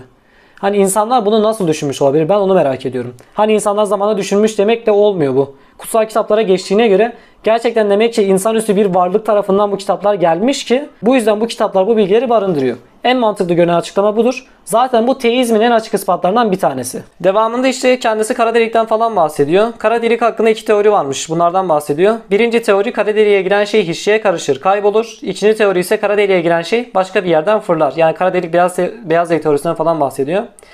Bir yerde kara deliğe giren şey hiçliğe karışır. Tam zıttı olan belki de beyaz delikten fırlar diyor. Belki de beyaz delikler vardır ve beyaz delikten fırlar diyor. Şöyle düşünün arkadaşlar. Şu kara delik, şu da beyaz delik olarak düşünün. Kara delik buradan bir şeyleri alıyor, somuruyor. Yani hiçliğe karıştırıyor. Buradan ise ortaya çıkartıyor. Bu durumda da zaten Big Bang'in bir anlamı olmaz diyor. Buna zaten siz Big Bang diyorsunuz diyor. Yani Big Bang'in aslında beyaz delik olduğunu söylüyor. Ancak şunu belirteyim arkadaşlar. Beyaz delikler şu anda ispatlanamadı. Hatta birkaç sene önce vefat eden Stephen Hawking de son makalesinde beyaz deliklerin keşfedilememiş olduğunu söylüyor. Bunun dışında beyaz delik teorisi aynı zamanda entropi yasasıyla çelişkili olan bir şey. Yani bir teori ortaya atılıyorsa bu teorinin diğerleriyle çelişkili olmaması gerekiyor. Fakat beyaz delik teorisi ise doğrudan entropi yasasıyla tamamen çelişkili olan bir şey. O yüzden kalkıp da beyaz deliği bir itiraz olarak sunmak, Big Bang'in aslında bir beyaz delik olduğunu iddia etmek çok da tutarlı bir itiraz değil. Devamında şunu söylüyor. Mantıken bir şey ya vardır ya yoktur. Varlık hiçliğe, hiçlik de varlığa gidemez. Eğer siz kara delikle varlığı hiçliğe götürüyorsanız hiçlikten de varlık gidebilir anlamına gelir bu diyor.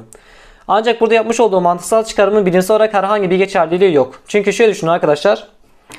Fiziksel olarak bir şey varlık, varlıktan yokluğa gidemez, yokluktan da varlığa gelemez. Ve biz şu anda evrende hiçbir olayın yokluktan kendi kendine sebepsiz olarak ortaya çıktığını görmüyoruz. Bir anda yokluktan madde ortaya çıkmıyor yani. Yani şöyle düşünün. Evinizin ortasında bir anda bir ağaç belirmiyor değil mi?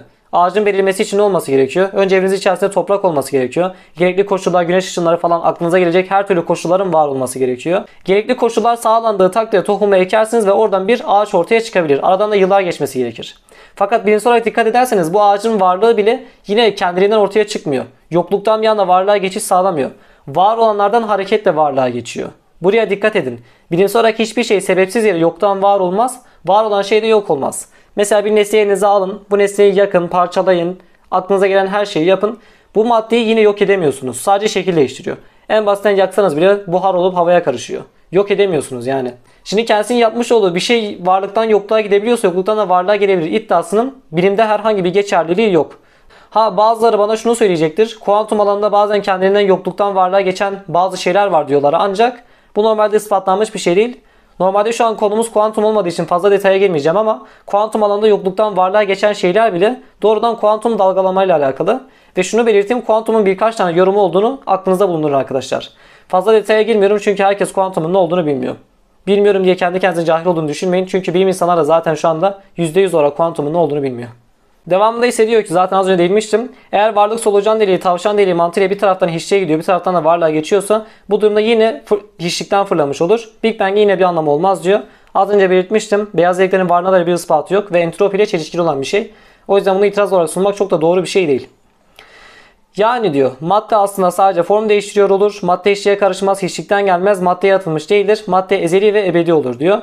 Teorisi yanlış. Çünkü bahsetmiştim. Fizikçilere göre, bilim insanlarına göre başlangıç yani Big Bang anında hiçbir şey yoktu. bir şey yoktu. Yani madde ezeli ve ebedi değil.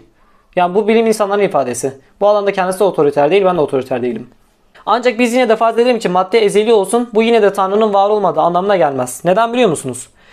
Madde bilinçli bir varlık değildir. Ve bilinçli olmayan madde bilinçli bir canlılık ortaya çıkartıyor. Yani biz bilinçli canlılarız. Bu evreni düşünebiliyoruz, sorgulayabiliyoruz. Maddenin ne olduğunu inceleyebiliyoruz. Araştırma yapabiliyoruz ya. Maddede bilinç yoktur.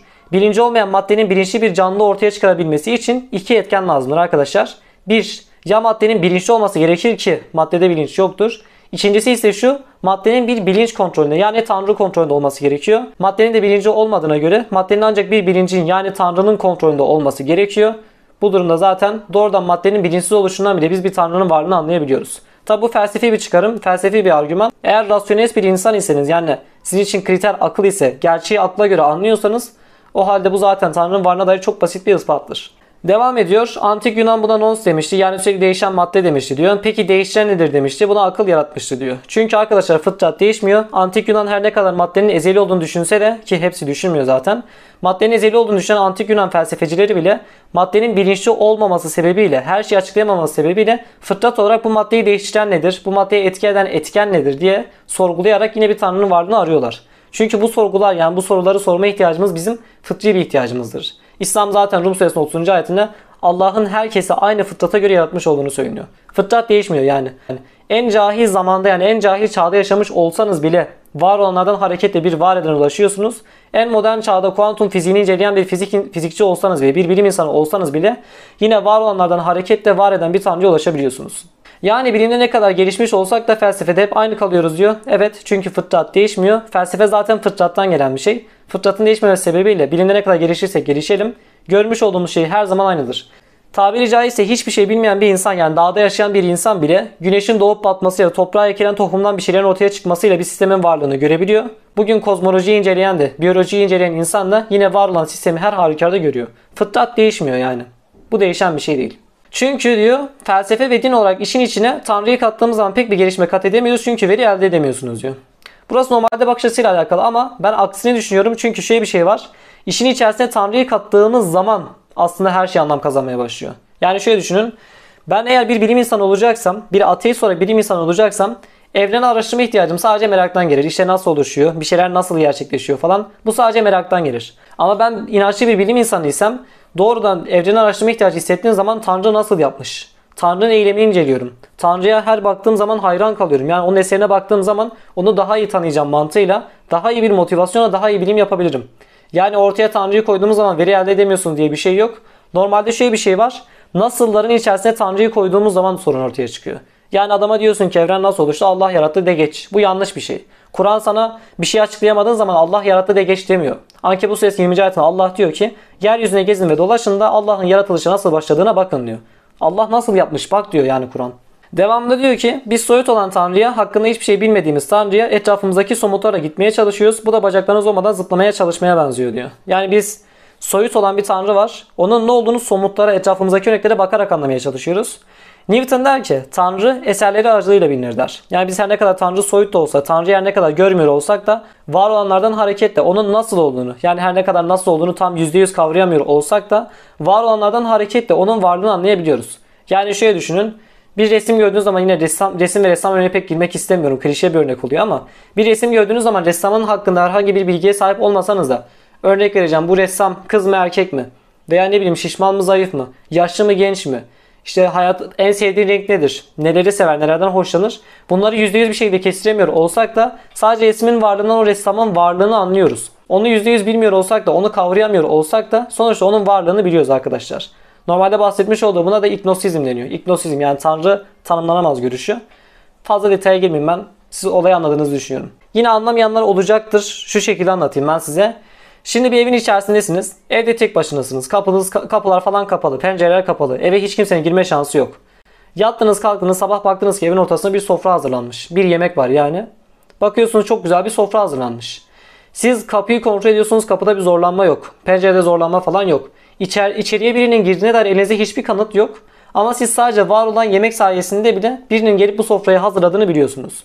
İşte bu sofrayı hazırlayan kişi kimdir? Adı nedir? Kimlerdendir? Kız mı erkek mi? Şişman mı zayıf mı? Genç mi ihtiyar mı? Bunu bil- bilmiyor oluşunuz onun var olmadığı anlamına gelmiyor. Onun her ne kadar kim olduğunu bilmiyor olsanız bile var olanlardan hareketle onun varlığını anlayabiliyorsunuz. Anladığınızı düşünüyorum artık. Fazla uzatmayacağım çünkü bayağı bir konu var. Devamında kendisi Big Crunch'tan bahsetmiş yani büyük çöküş teorisi. Bilmeyenler için şu şekilde anlatalım. Hani evren sürekli olarak genişliyor ya. Bu genişleme bir yerden sonra tersine dönecek ve evren yine tekilliğe gelecek. Tekillikte tekrar büyük patlamayla tekrar evren oluşmaya başlayacak. Yani sürekli olarak bu film böyle devam edecek. Evren genişleyecek, çökecek. Genişleyecek, çökecek. Ebediyete kadar, ezelden ebediyete kadar hep evren bu şekilde devam edecek. Bunu savunan görüş aslında Osculating Universe yani açılı kapalı evren modeli olarak biliniyor. Kendisi bu teoriyi savunarak Big Bang'in anlamsız olduğunu iddia ediyor. Şimdi başlangıçtan şunu söyleyeyim. Normalde bu açılır kapanır evren modeli Kur'an'la çelişen bir şey değil. Yani Tanrı'nın var olmadığını gösteren bir şey değil. Doğrudan Tanrı'nın varlığını ve İslam'ın doğruluğunu ispatlayabilen bir şey. Neden biliyor musunuz? Kur'an-ı Kerim buna zaten bir yerde üstü kapalı bir şekilde atıf yapıyor. Enbiya suresi 104. ayeti. Ayette Allah diyor ki Göğü kitabın sayfalarını dürer gibi düreceğimiz günü an diyor. Hani evren düz ya kendisi zaten bahsetmişti. Evren bir örtü gibi dümdüzdür. Kur'an zaten sanki bir kağıdın sayfasına benzetiyor.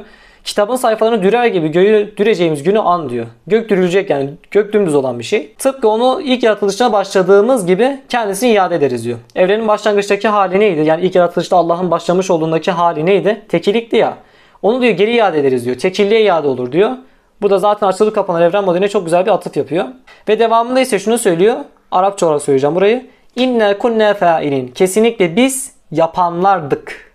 Buraya dikkat edin kunne ifadesi kullanmış. Kunne biz bunu yapanlardık diyor. Yani bir nevi zaten evrenin sürekli olarak açılır kapanır evren modeline atıf yaparcasına Kur'an diyor ki biz bunu zaten yapanlardık diyor. Hani ilk defa yapacağız değil. Biz bunu zaten yapanlardık diyor. Yani bahsetmiş olduğu teori doğru olsa bile bu doğrudan Kur'an'la bağdaşan bir şey. Kur'an'a doğrulayan bir şey. Biz yine işin felsefi boyutuna girelim. Yani evren sürekli olarak genişleyip çöküyorsa, bir patlama sonucu tekrar tekrar ortaya çıkıyorsa, ebedi, ebedi olarak da bu şeyle devam edecekse o halde başlangıcın anlamı kalmaz mı? Konusuna gelecek olursak şöyle bir şey var arkadaşlar. Normalde başlangıcın yine anlamı olur. Çünkü biz şu anki evrenden önceki evrenin nasıl olduğunu bilmiyoruz. Çünkü bize göre yani teizme göre evrenin başlangıcından önce yine bir şeyler vardı. Allah'ın katı vardı mesela. Zamanla, mekanla, maddeden münezzeh olan Allah vardı. Allah sonradan burayı varlığa geçirdi. Bu mantığa göre zaten başlangıcın yine anlamı oluyor. Yine de biz diyelim ki hadi başlangıcın gerçekten anlamı olmuyor. Bizden önceki evrenler de yine aynı şekilde evrenlerde. O halde başlangıcın bir anlamı yoktur desek bile bu yine var olan sistemin varlığını açıklayamıyor. Burayı fazla uzatmaya gerek yok. Zaten değinmiştim. Hani çoklu evrenler varsa veya evrenin başlangıcı yoksa bu yine hiçbir şey açıklamıyor. Neden hiçbir şey yerine bir şeyler vardır sorusunu açıklamıyor. Var olan sistemi açıklamaya yine yeterli gelmiyor arkadaşlar. Devam edelim. Buradan itibaren kendisinin katılmış olduğum bazı sözleri var. Mesela diyor ki eğer inançlı biriyseniz diyor bu anlattıklarımdan sonra şunu diyeceksiniz. Tamam diyelim ki bu anlatmış olduğum olaylar doğru. Kara delik, beyaz delik teorisi doğru. Madde hiçliğe gidebiliyor, hiçlikten gelebiliyor. Peki bunu kim yapıyor? Maddeye etki eden, maddeyi değiştirmeye karar veren şey nedir diye soracaksınız diyor. Özetle ilk etki edici nedene geliyorsunuz diyor. Hayır. ilk etki edici nedene gelmiyoruz. Biz burada doğrudan düzenin varlığına geliyoruz. Yani evren ezeli ve ebedi olsa bile bilinçsiz olan maddenin bilinçli olan bu insan nasıl ortaya çıkardığı sorusu halen havada kalıyor. Ve sistemin varlığını açıklamaya yetmiyor. Biz bunu söylüyoruz. Bu da sizi inançlı yapan şey diyor. Ne görürseniz görün arkasında mutlaka bir etki, bir parmak görmeniz gerekiyor diyor. Evet bu kısmen doğru. Çünkü var olan sistem kendi kendisini açıklayamadığı için biz ortada bir bilinç arayışına geçiyoruz. Buradaki iddiası kısmen doğru. Madde ezeli olsa bile bu neyi değiştirir diyor. Tanrı her türlü var olabilir diyor. Evet buna zaten değinmiştik. Madde ezeli olsa bile bilinçli olmaması sebebiyle her şey açıklamaya yeterli değil. Bu yüzden yine biz bir Tanrı arayışına geçiyorduk. Çünkü Tanrı'yı bir varlık olarak değil bir amaç olarak görüyorsunuz. Aynen. Tanrı'yı nedenlerde değil niçinlerde görmeye çalışıyorsunuz. Kesinlikle katılıyorum. Çok güzel söylemişsin. Burada %100 haklısın. Tanrı ne amaçla ne için gibi soruların cevaplarını vermeye çalışır. Din zaten bu yüzden vardır diyor. Evet kısmen doğru. Nedenlerin cevabını bilimle almanız lazım. Bilime de Tanrı'yı katmamanız lazım. Yani bir şeyin oluşumu bilimsel ise buraya Tanrı'yı koymamak lazım. Tanrı'yı biz doğrudan bu evren niçin oluşur, oluşmuştur? Niçin bilinç vardır? Niçin fizik kanunları vardır diye amaçlarda görmemiz gerekiyor. %100 katılıyorum buraya. Yani diyor anlamaya götüren şey varlık nasıl oluştu değil niçin oluştu sorusudur diyor. Burası da doğru. Şu ana kadar katıldığım yerleri söyledim çünkü yani bu adamın söylemiş olduğu hiç mi doğru bir şey yok demeyesiniz ve objektif olduğumu görün diye özellikle katılmış olduğum yerleri de burada özellikle belirtme ihtiyacı hissettim. Videonun 22. dakikasından itibaren kendisi sizi resmi görmeyi etki, ileten etken nedir diyordu. 22-25 dakika arasında kısaca şunu anlatıyor. Resim olmayan bir şeyi gördüğünüz için resmin ne olduğunu biliyorsunuz diyordu. Yani bu evrenin hassas ayarlara sahip olup olmadığını anlamanız için hassas ayarlara sahip olmayan bir evren görmeniz gerekiyor demişti. Ve ben ise bunun ta en başına cevabını vermiştim. Yani hem burada kendisi farkında olarak ve olmayarak totoloji yapıyor. Hem diyor ki bu evrenin tasarlanmış olduğunu görmemiz için tasarlanmamış bir evren görmemiz gerekir diyor. Tamam diyoruz öyle yapalım diyorsun. Çoklu evrenler vardır diyorsun. Bu sefer kalkıp diyor ki çoklu evrenlerde varsa illaki bir tanesi bu şekilde denk gelmiştir. O halde sayıda yine anlamı kalmaz diyor. Tabiri caizse yazı tura atalım. Yazı gelirse ben kazanırım. Tura gelirse sen kaybedersin diyor. Her iki şekilde kendisini haklı gördüğü için yani kendi teorisini haklı çıkarttığı için verilecek bir cevap kalmıyor aslında. Videonun devamında aynı iddialar tekrar tekrar söylüyor. Buraları zaten geçiyorum çünkü bu argümanını açmış. Biz zaten en başta belirtmiştik. Bu evrenin tasarlanmış olup olmadığını anlamamız için başka evrenlerin var olması gerekmiyor. Eğer var olsa da kendisine göre her iki koşulda da hassas evren bir anlamı olmuyor. Buna zaten başlangıçta değinmiştik. Ve devamda diyor ki yani şu anda bazı rakamlar verilmesi şu kadar ihtimalle şu olabilirdi. Şu farklı olsaydı bu evren oluşmayacaktı gibisinden şeyler diyor. Bunlar diyor ispat falan değildir diyor. Videonun devamında ise yine hassas sayılara atıf yapıyor. Buna zaten değinmiştim. İki farklı hassas sabiti birbiriyle karıştırdığı bir yer. Hani kendisi diyor ya işte şu anda bazı rakamlar verilmesi bir şey ispat etmez. İşte şu kadar ihtimalle evren var olmayabilirdi. Şöyle olabilirdi, böyle olabilir gibisinden rakamlar verilmesi bir ispat değildir. Çünkü bunu söylemeniz için elinizde bir kanıt yok. Çünkü başka bir evren bilmiyorsunuz diyor. Buna zaten değinmiştik. İlla ki zıttının var olması gerekmiyor. Kağıt örneği vermiştim. Bir kağıdın içerisinde hem düzensiz şekiller görüyorsak hem de düzenli şekiller görüyorsak aralarında kıyas yaparak kağıdın neresi düzenlenmiş, neresi düzenlenmemiş bunu anlayabiliyorduk. İlla ki tamamen düzenlenmiş veya tamamen düzenlenmemiş bir kağıt görmemize gerek yoktu. Buna zaten başlangıçta değinmiştim fazla uzatmayacağım. Hassas ayarlar konusuna ilave olarak kendisi burada şöyle bir eleştiri yapmış. Biz bir resim gördüğümüzü iddia ediyoruz. Halbuki bu bir karalama bile olabilir diyor. Bundan da emin olamayız. Dolayısıyla kesin olarak bu bir resimdir. Bunun da bir ressamı vardır diyemezsiniz. Dediğiniz anda kendini topunuza sıkmış olursunuz diyor. Yani biz şu an evrenin resim olup olmadığını bile bilmiyoruz. Bu yüzden belki şu anda görmüş olduğumuz şey bir karalama da olabilir. Bu yüzden emin bir şekilde bu bir resimdir, ressam da vardır dememiz saçmadır diyor. Arkadaşlar hassas ayarlar ve determinizm şu anda görmüş olduğumuz evrenin bir kusur olmadığının, bir karalama olmadığının en açık ispatıdır. Tekrar tekrar bu konuya değinme ihtiyacı hissetmiyorum. Çünkü karalamada rastgelelik olur arkadaşlar. Mesela karalama yaptığınız zaman ne ortaya çıkar? Tamamen düzensiz, ayarsız bir şey ortaya çıkar. Fakat biz bu evrene baktığımız zaman hem hassas ayarlar görüyoruz, hem tasarım görüyoruz, hem de determinizm görüyoruz. Sadece determinizm bile bu evrenin aslında karalama olmadığının en açık ispatıdır.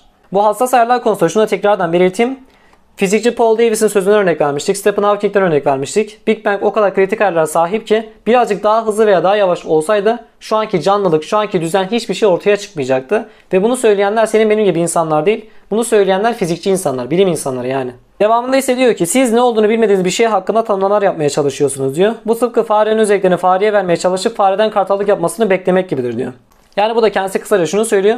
Siz kendi dünyanızdaki çıkarımlarla yani kendi algınızdaki bir takım çıkarımları evrene uyarlayarak evren hakkında çıkarımlar yapmaya çalışıyorsunuz. İşte resim varsa resmin ressamı vardır. O halde evren de bir resimdir. Evrene bir ressam vardır derken kendi algınızı kullanıyorsunuz. Kendi çıkarımlarınızı kullanıyorsunuz diyor ya. Buna ben zaten algınız bizi yanıltıyor olabilir mi? Septizm konusunda zaten değinmiştim. Tekrar tekrar uzatmaya gerek yok. Ancak şunu belirteyim. Biz var olanlardan hareketle var eden bir tanrı vardır derken veya hassas ayarlardan hareketle bu hassas ayarları koyan, fizik kanunları var eden, maddeyi var eden bir tanrı vardır derken algımızı, aksiyonlarımızı kullanıyoruz ya. Aynı algıyı biz bilim yaparken de kullanıyoruz, teknoloji yaparken de kullanıyoruz. Eğer algımız bizi yanıltıyorsa bilimde de teknolojide de tamamen %100 hatalı olmamız gerekirdi. Ve evreni kendi lehimize göre kullanan bir olmamız gerekirdi. Buna zaten başlangıçta bayağı bir değinmiştim. Uzatmaya gerek yok arkadaşlar. Şunu da belirteyim eğer algılarımız bizi yanıltıyorsa bilimsel çalışmalardan tamamen şüphe etmemiz gerekiyor. Kendisi devamında şunu söylüyor. Bütün bunlar yani canlılığın oluşumu, bizim var olabilmemiz, sorgulayabilmemiz, düşünebiliyor olmamız herhangi bir şey ispatlamıyor. Neden? Çünkü biz bu şekilde tasarlanmış bir evrendeyiz. Başka türlüsünü bilmiyoruz. Bunun en mutlak ve en doğru evren olduğunu da bilmiyoruz. Belki de hatalı bir evrendeyiz. Nereden bileceğiz diyor. Stephen Hawking'in bahsetmiş olduğuna göre hatalı modellerde evren oluşmuyor. Bunu zaten örneğini vermiştik. Modern Bilim Tanrı var kitabından örneğini vermiştim. Stephen Hawking söylüyordu. Hatalı modellerde evren ortaya çıkmıyor. O yüzden bu da çok basit bir itiraz olmuş. Kendisi yine iki farklı hassas sabiti birbirine karıştırarak diyor ki hani şu muhabbetler vardır ya şu hassas ayar olmasaydı veya dünya daha uzakta olsaydı canlılık oluşmayacaktı falan. Hayır diyor yine ortaya çıkardı. Belki biz olmazdık ama yine bir şeyler var olurdu diyor. Burada yine kendisi iki farklı hassas sabiti birbiriyle karıştırıyor. Değinmiştim ama yine tekrardan belirteceğim. Evrende bir takım hassas sabitler vardır ki bunlar var olmazsa veya bunlar farklı olursa ortaya farklı canlılar, farklı sonuçlar ortaya çıkıyor. Bir takım hassas sabitler var ki bunlar var olmazsa evren ortaya çıkmıyor. Bilmiş olduğumuz varlık ortaya çıkmıyor. Bizim savunmuş olduğumuz bu hassas sabitler. Yani bunlar var olmasaydı evren ortaya çıkmazdı demiş olduğumuz hassas sabitler. Kendisi ikisini birbirine katarak diyor ki hayır bunlar olmasaydı yine başka şeyler ortaya çıkardı diyor. Çıkmazdı abicim. Evren ortaya çıkmazdı. Ya da diyor başka bir galakside başka bir evrende bunun olmadığını yani bu hassas ayarların olmadığını nereden biliriz diyor. Başka bir evrende başka canlılarda böyle bir hassas ayarlar var olsa bile bu yine herhangi bir şey ispat etmiyor. Var olan sistemin varlığını açıklamaya yetmiyor. En fazla hassas ayarları bir tık aşağıya düşürmüş oluyorsun. Yine de herhangi bir şey çürütmüş olmuyorsun bu cevapla. Yani kısacası Leibniz'in sormuş olduğu neden hiçbir şey yerine bir şeyler vardı sorusu halen havada duruyor. Yine devamında hassas sabitlere tekrar tekrar değiniyor. Buraya tekrar tekrar değinmeyeceğim ben de. Şuradaki itiraz benim çok tuhafıma gitti. Gerçekten kayda değer bir itiraz değildi ama bazıları takılmış olabilir diye cevap verme ihtiyacı hissettim. Ayrıca Tanrı sonsuz kudretli bir varlık. Şu olmasaydı canlılık oluşamayacaktı demek Tanrı'yı kısıtlamak olur. Çünkü Tanrı istediği her şeyi her şekilde yapabilir diyor. Varlığı diyor her şekilde var edebilirdi. Tanrı'nın hassas ele ihtiyacı olduğunu söylemek yanlıştır diyor. Şimdi bu gerçekten kayda değer bir itiraz mı değil mi? Ben size bırakacağım. Ama şunu belirteyim bazı insanlar takılmıştır diye. Evrende hassas ayarlar vardır demek Allah ancak hassas ayarlarla bunları var edebilir demek değildir. Çünkü zaten evrenin bu şekilde var olma olasılığını yani sistem ancak bu şekilde var olabilir diye bir kuralı koyanın kendisi zaten Allah'tır. Yani biz evrende hassas ayarlar var bak Allah ne güzel yaratmış dediğimiz zaman Allah'ı sınırlamış olmuyoruz. Bunu şu şekilde anlatayım eğer anlamadıysanız. Hani domino taşlarını düşünün arkadaşlar. Her bir taş diğerini devirecek şekilde gidiyor ya. Farz edin ki taşların arasında büyük bir boşluk koyduk. Ve buradaki devrilen taş diğerini deviremedi. Şimdi şunu söyleyebilir misiniz? Mesela bu taşları düzen kişi ben olayım. Şunu diyebilir misiniz? İşte Hubeyb taşların her birini devirmek için taşları domino gibi ardı ardınca düzmek zorunda. Eğer düzmezse Hubeyb bu taşların hepsini deviremez diye bir iddia ortaya atabilir misiniz? Hayır atamazsınız. Attığınız zaman saçmalamış olursunuz. Çünkü ben her bir taşı kendi elimle de devirme yeteneğine sahibim. Ancak ben size benim yapmış olduğuma, benim tasarlamış olduğuma dair bir iz bırakmak amacıyla her bir taşı bir diğerini devirecek şekilde dizayn etmiş olabilirim. Aynı şekilde Tanrı da kendisinin yapmış olduğunu anlamamız için yani bilinçli birisi tarafından bu evrenin var edildiğini anlamamız için hassas ayarları koymuş olabilir. Yani buna rağmen kalkıp da halen hassas ayarlarla evren yaratılmıştır demek Allah'ı sınırlamak olur demek nasıl bir itiraz ben bilemedim yani. Size bırakıyorum artık. Devamında diyor ki anlamanız gereken olay şu. Tanrı başka kanunlarla başka evren yaratmış olsaydı o evrendeki insanlar da o evreni tek mutlak evren zannedecekti diyor. Yine değinmiştim. İki farklı hassas sabit karıştırdığını defalarca kez belirtmiştim.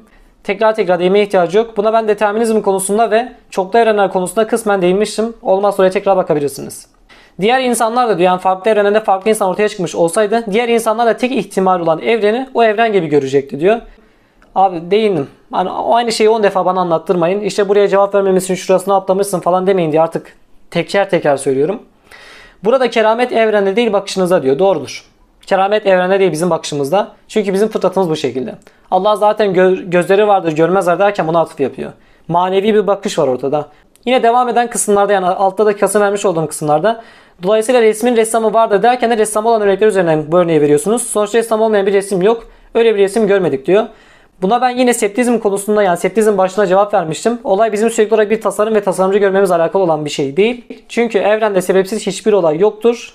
Aynı şeyi tekrar tekrar söylememize gerek yok arkadaşlar. Devamında şöyle bir iddiası var. Bu farklı bir konu. Evren sürekli olarak değişim halinde. Bu durumda diyor Allah'ın evren tasarlaması iki şekilde olabilir diyor.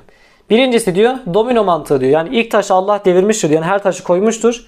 İlk taşı devirmiştir diyor her şey kendiliğinden gerçekleşmiştir. Benim zaten savunmuş olduğum determinizm argümanı bu şekilde. Evren domino taşı gibi yan yana dizilmiş bir taşlar gibi her şeyi bir diğerini tetikleyecek şekilde hali hazırda bırakılmış. Allah bir nevi Big Bang'i gerçekleştiriyor ve her şey kendinden gerçekleşmeye başlıyor. Bu da diyor determinizm olur diyor aynen. Mesela evrenin geleceğini maddeye bakarak çözüyoruz diyor. Normalde %100 çözemiyoruz çünkü kuantum alanındaki kısmi de olsa indeterministik bir yapı sebebiyle %100 bir şekilde evreni çözemiyor olsak da makro boyutta evrenin geleceğini biz biliyoruz arkadaşlar. Burası doğru. Ancak diyor bu noktada diyor kader ortaya çıkar ve özgür irade kaybolur diyor. Çünkü insan karar verebilen bir varlık. Bu durumda diyor insan iradesinin bir anlamı olmaz. Bir nevi biz yazılmış olan bir filmin oyuncuları gibi oluruz diyor. İmtihanın falan bir anlamı olmaz diyor. Yani bir nevi kadercilik problemine getiriyor. Ben buraya ta en başlarda değinmiştim arkadaşlar. Bu da kendisi sadece determinizm ile kader arasında yani insan iradesi arasında bir çelişki çıkartarak argümana cevap vermeye çalışıyor ama argüman çürümüş olmuyor. Argümana cevap vermiş olmuyorsun. Bilimsel olarak evrenin deterministik olduğu neredeyse %100 ispatlanmış bir şey. Sen ortaya sadece bir soru atarak bu teoriyi çürütmüş olmuyorsun. Buna zaten en başta değinmiştim. Eğer maddenin kaderi belirli de insanın kaderi belirli değil derseniz bu durumda paradoksa giriyorsunuz diyor. Bahsetmiştim otodeterminizm vardı. Otodeterminizme göre paradoksa falan girmiyoruz. Ve şuraya da dikkat edin. Argümanlar arası sadece çelişki çıkartarak cevap vermeye çalışıyor. Ama halbuki argümanlar halen ortada duruyor. Tabiri caizse bir tarafta A argümanı var, bir tarafta B argümanı var. Diamond diyor ki A'da şu vardır bu B ile çelişir diyor. B'de de şöyle bir mantık vardır bu da A ile çelişir diyor. O halde ikisi de yanlıştır diyor. Hayır abicim. Burada en fazla iki teoriden birinin yanlış olduğunu söyleyebilirsin. İkisi de birbirini çürütür falan diyemezsin. İkincisi ise aktif bir tanrı modelidir diyor. Yani tanrı diyor her taşı an be an devirir diyor. Şu an bazı Müslümanların savunmuş olduğu görüş de bu. Allah her an her şeyi her halükarda kontrol edendir. Hani kalbini atıyorsa kalbini attıran Allah. Konuşabiliyorsa nefes alıp verebiliyorsan bunu yapmana sağlayan Allah. Allah her an her yerde aktif. Tanrı diyor bu argümana göre an ve an etkindir. Yani Tanrı ile Big Bang'i yarattı hassas ayarları koydu geriye çekildi falan yoktur diyor. Çünkü hassas ayar varsa her şeyin tekrar kontrol edilmesine gerek yoktur diyor. Bu durumda diyor hassas ayar argümanı yine kendi kendisine çöker diyor. Hassas ayar argümanı her halükarda çökmek zorundadır diyor. Şimdi sen videonun belli yerlerinde kendi algımıza göre çıkarım yapıyoruz derken burada kendi algına göre bir çıkarım yaparak hassas ayar argümanı çürüttüğünü düşünüyorsun. Ama çürütmüş olmuyorsun. Neden? Tanrı aktif bir şekilde her şeyi hassas bir dengede tutuyor da olabilir. Tabiri caizse Allah'ın eli yani mecazi olarak söylüyorum bunu tabi. Allah elini çekecek olsa hassas ayarlar bir anda kayacak ve her şey bir anda yokluğa karışacak. Allah bu şekilde de hassas ayarları hassas dengede tutuyor olabilir. Bu durumda yine argümanın çökmüş olduğunu iddia etmemiz için herhangi bir sebep yok. Şimdi kendisi de yine tekrardan şunu söylüyor. Yani zaten tekrar tekrar aynı olaylara dönüyoruz da kendisi de zaten videoda söylüyor. Aynı şeyi tekrar tekrar anlatıyorum diye. Sonra kalkıp da aynı şeyi papağan gibi tekrar anlatmışsın falan demeyin bana. Çünkü aynı videoda defalarca kez aynı argümanlar tekrar edildiği için ben de tekrar tekrar aynı konulara değiniyorum burada. Şimdi diyor karalama ve resim arasındaki ayrımı nasıl yapıyordunuz diyor. Anlamıyla size hitap etmesiyle baktığınız zaman bir şey görmenizle alakalıydı diyor. Sadece bunlarla değildi. Biz neye göre söylüyorduk? Rastgelelik içermemesi ve hassas ayarlara sahip olmasıyla biz karalama ve resim arasındaki ayrımı yapıyorduk. Dolayısıyla diyor bir evrene bakıp da bir resim var demeniz bir çizik görüp de bakın ben burada bir şey görüyorum demeye benzer diyor. Bu diyor küçük bir çocuğa mürekkep lekesi gösterirsiniz orada bir şeyler çıkartmaya çalışır ya diyor. Bu tıpkı ona benzer diyor. Bu normalde bir hastalık adı zaten ama evrendeki bu sistematik yapıya bakıp da bir tanrı vardır dememizi mürekkep lekesine bakarak bir şeyler görmeye çalışan bir çocuğa benzetmesi, hastalığa benzetmesi gerçekten çok alakasız bir örnek olmuş. Biz yine de kendisinin bu mürekkep lekesiyle tasarım arasındaki çıkartmış olduğu benzerliğe cevap verelim arkadaşlar. Şimdi bir tarafa mürekkep lekesinden çıkabilecek şekilleri ortaya koyun. Mesela bulutlara baktığınız zaman bir şekil görüyorsunuz ya. Bir tarafa onu koyun. Bir tarafa da çizilmiş olan resmi koyun. Şimdi resimleri görürüz. Her tarafında bir simetri görürüz ve resmin her tarafından birer anlam çıkar. Ama buluta baktığınız zaman örnek vereceğim. Buluta bakınca bir fil görüyorsunuz diyelim. Görmüş olduğunuz bu fili her taraftan aynı şeyi görmeyebilirsiniz. Mesela bulutun diğer tarafına baktığınız zaman ise başka şeyler görüyorsunuz. Şimdi ikisi arasındaki ayrımı biz neye göre yapıyoruz? Bir tanesinin her tarafında sistem var. Her tarafında simetri ve uyum var. Diğerinde ise her tarafında simetri ve uyum yok. Sadece belli başlı yerlerinden bir takım benzerlikler çıkartabiliyoruz değil mi? Ayrımı biz buna göre yapıyoruz. Peki evrene baktığımız zaman evrenin her yerine bir sistem görüyor muyuz? Yoksa sadece belli başlı yerlerinde ha bak burada bir sistem varmış mı diyoruz? Evrenin her yerinde sistem görüyoruz arkadaşlar. Evrenin tamamında bir sistem görüyoruz. Bilim her geçen gün zaten evreni daha iyi açıklıyor. Bilim zaten bu yüzden var. Doğrudan bilimin varlığı bile kendisinin yapmış olduğu bu mürekkep lekesinden şekil çıkartma benzetmesiyle bizim bakış açımızın yani bizim inancımızın alakası olduğunu en açık ispatıdır. Devamında diyor ki kitaplık niye düzgün diyor. Çünkü bir insan yaptı diyor. Ben öyle olması ve öyle görünmesi. Yani sizin öyle görmeniz için yaptım diyor. Size bir insan olduğunuz için benimle aynı şeyi görüyorsunuz diyor. Abi bir kedi bir köpek buraya baktığı zaman burası düzgün mü aklına bile gelmeyecektir diyor. Kitaplığı ben öyle düzenlediğim için size düzenli geliyor. Düzenleyen benim diyor. Yani bir insan diyor. Bunu anlayan da sizsiniz. Yani insandan insana gidiyor diyor. Evrene bakıp Allah'ı görüyorsan diyor Allah insan mı diyor. Şimdi anlamadıysanız ben size şöyle bir örnek vereyim. Mesela ben bir resim yaptığım zaman veya bir şey tasarladığım zaman veya bir şeye bir görüntü verdiğim zaman ne yapıyorum? Ben bir insanım. Siz de bir insansınız. Ve insandan insana gittiği için benim görmüş olduğum güzelliği sizin de görmenizi istiyorum. Size göre yapıyorum yani. E, evrenden eğer evrene bakıp da Allah'ı görüyorsanız diyor Allah insan mı ki diyor. İnsanın algısına göre evreni yapmış olsun demeye getiriyor. Fakat burada yapmış olduğu şey bir hata var. Daha üst bir bilincin daha düşük bir bilince kendisini anlatması mümkün olan bir şeydir. Yani şöyle düşünün hayvan eğitirken biz ne yapıyoruz? Hayvanla biz eşit seviyede değiliz. Hayvanla bizim algımız, düşünce yapımız aynı değil. Ama ne yapıyoruz? Hayvana bir şey anlatmak için hayvanın seviyesine bir takım örnekler veriyoruz. Hani en basitinden hayvan bir şeyi doğru yapıyorsa mesela bir köpeğe bir şey söyledin, onu yapmayı öğrettin. Ona bir ödül olarak ne yapıyorsun? Mama veriyorsun. Bu da hayvanın hoşuna gidiyor ve hayvan yapmış olduğu şeyin doğru olduğunu düşünmeye başlıyor. Biz daha üst bir bilinciz ve daha düşük bir bilince bir örnek veriyoruz. Aramızda bir iletişim oluyor yani. Bu durumda da daha üst bir bilinç olan Allah'ın daha düşük seviyede olan bir insana işte evrene baktığı zaman sistem görsün ve evreni sistematik olarak var etmesi gayet mümkün olan bir şey. Şöyle bir örnek verebilirim aslında. Mesela bir yapay zeka var ettiğimizi düşünelim. Yapay zekaya kendi algılarımıza göre kodlar yazarız. Hani mesela yapay zeka bir canlıya yemek vermenin iyi olduğunu öğrenmek için ne yapması lazım? Bizim ona o şekilde bir kod vermemiz gerekiyor değil mi? Onu o şekilde kodlamamız gerekiyor. E bizi kodlayan da bizi yaratan Allah olduğuna göre Allah bizim zaten bu şekilde bir sistem görmemizi istediğine göre Bu durumda Allah'tan insana doğru bir giriş olması gayet mümkün. Yani Allah'ın daha üst bir bilincin insan algısına göre örnekler vermesi, ona göre bir evren yaratması gayet mümkün. Burada kalkıp da Allah insan mı ki böyle bir çıkarım yapıyorsunuz demen çok da mantıklı bir itiraz değil. Biz evrene baktığımızda diyor canlılar gibiyiz diyor. Ne gördüğümüzü bilmiyoruz bir şeyler görme ihtiyacı hissediyoruz diyor. Bir şeyler görme ihtiyacı hissetmemizin sebebi zaten fıtrat. Fıtrat yani. Zaten evren deterministik bir yapıya sahip olduğu için insan da bu şekilde düşünmeye programlanmıştır. Buradan bile zaten bir tanrının varlığını yakalayabilirsiniz. Rum suresinin 30. ayet Allah zaten der ki insanların hepsini bu dine göre yani bu fıtrata göre yarattık diyor. Fıtratımız aynı olmuş olduğu için bir şeyler görme ihtiyacı hissetmemiz de gayet normal. Bir nevi zaten bizi yaratan bilinç bu şekilde bakmamızı istiyor. Bu şekilde düşünmemizi istiyor. Evrimsel süreçte bu düşünceler, bu algılar kendi kendine oluşmuştur şeklinde bir itiraz da sunamazsınız. Çünkü evrene deterministik bir yapı hakim. İster evrim deyin, ister bir anda yaratılış deyin. Hiç fark etmez. Hangisini alırsanız alın. Determinizm var olduğu için bizim bu şekilde düşünmemiz zaten programlanmış bir şeydi. Anlamı gördüğümüz şeyleri biz veriyoruz diyor. İyi de biz mutlak anlamı verebiliyor muyuz ki? Biz bütün boyutları görmüyoruz. Varlığı tam halde idrak edemiyoruz. Mutlak merci değiliz ki neyin ne için yapıldığını bilelim diyor. Buna zaten septizmi konusunda değinmiştim. Fazla uzatmayacağım arkadaşlar. Ayrıca şunu belirteyim. İdrak etmek farklı bir şey. Anlamak farklı bir şey. Mesela biz var olanlardan hareketle var edenin varlığını anlıyoruz ama var edenin nasıl olduğunu anlamıyoruz. Çünkü birisi idrak etmek, diğeri ise anlamak. Sadece biliyoruz. Yani biz bir nevi Allah'ın varlığını anlıyoruz ama onu yüzde yüz olarak idrak edemiyoruz. Tek yaratılan da biz olmayabiliriz diyor. Belki de bizden daha üstün varlıklar vardır. Uzaylılar vardır mesela diyor. Bizden farklı görüyorlardır diyor.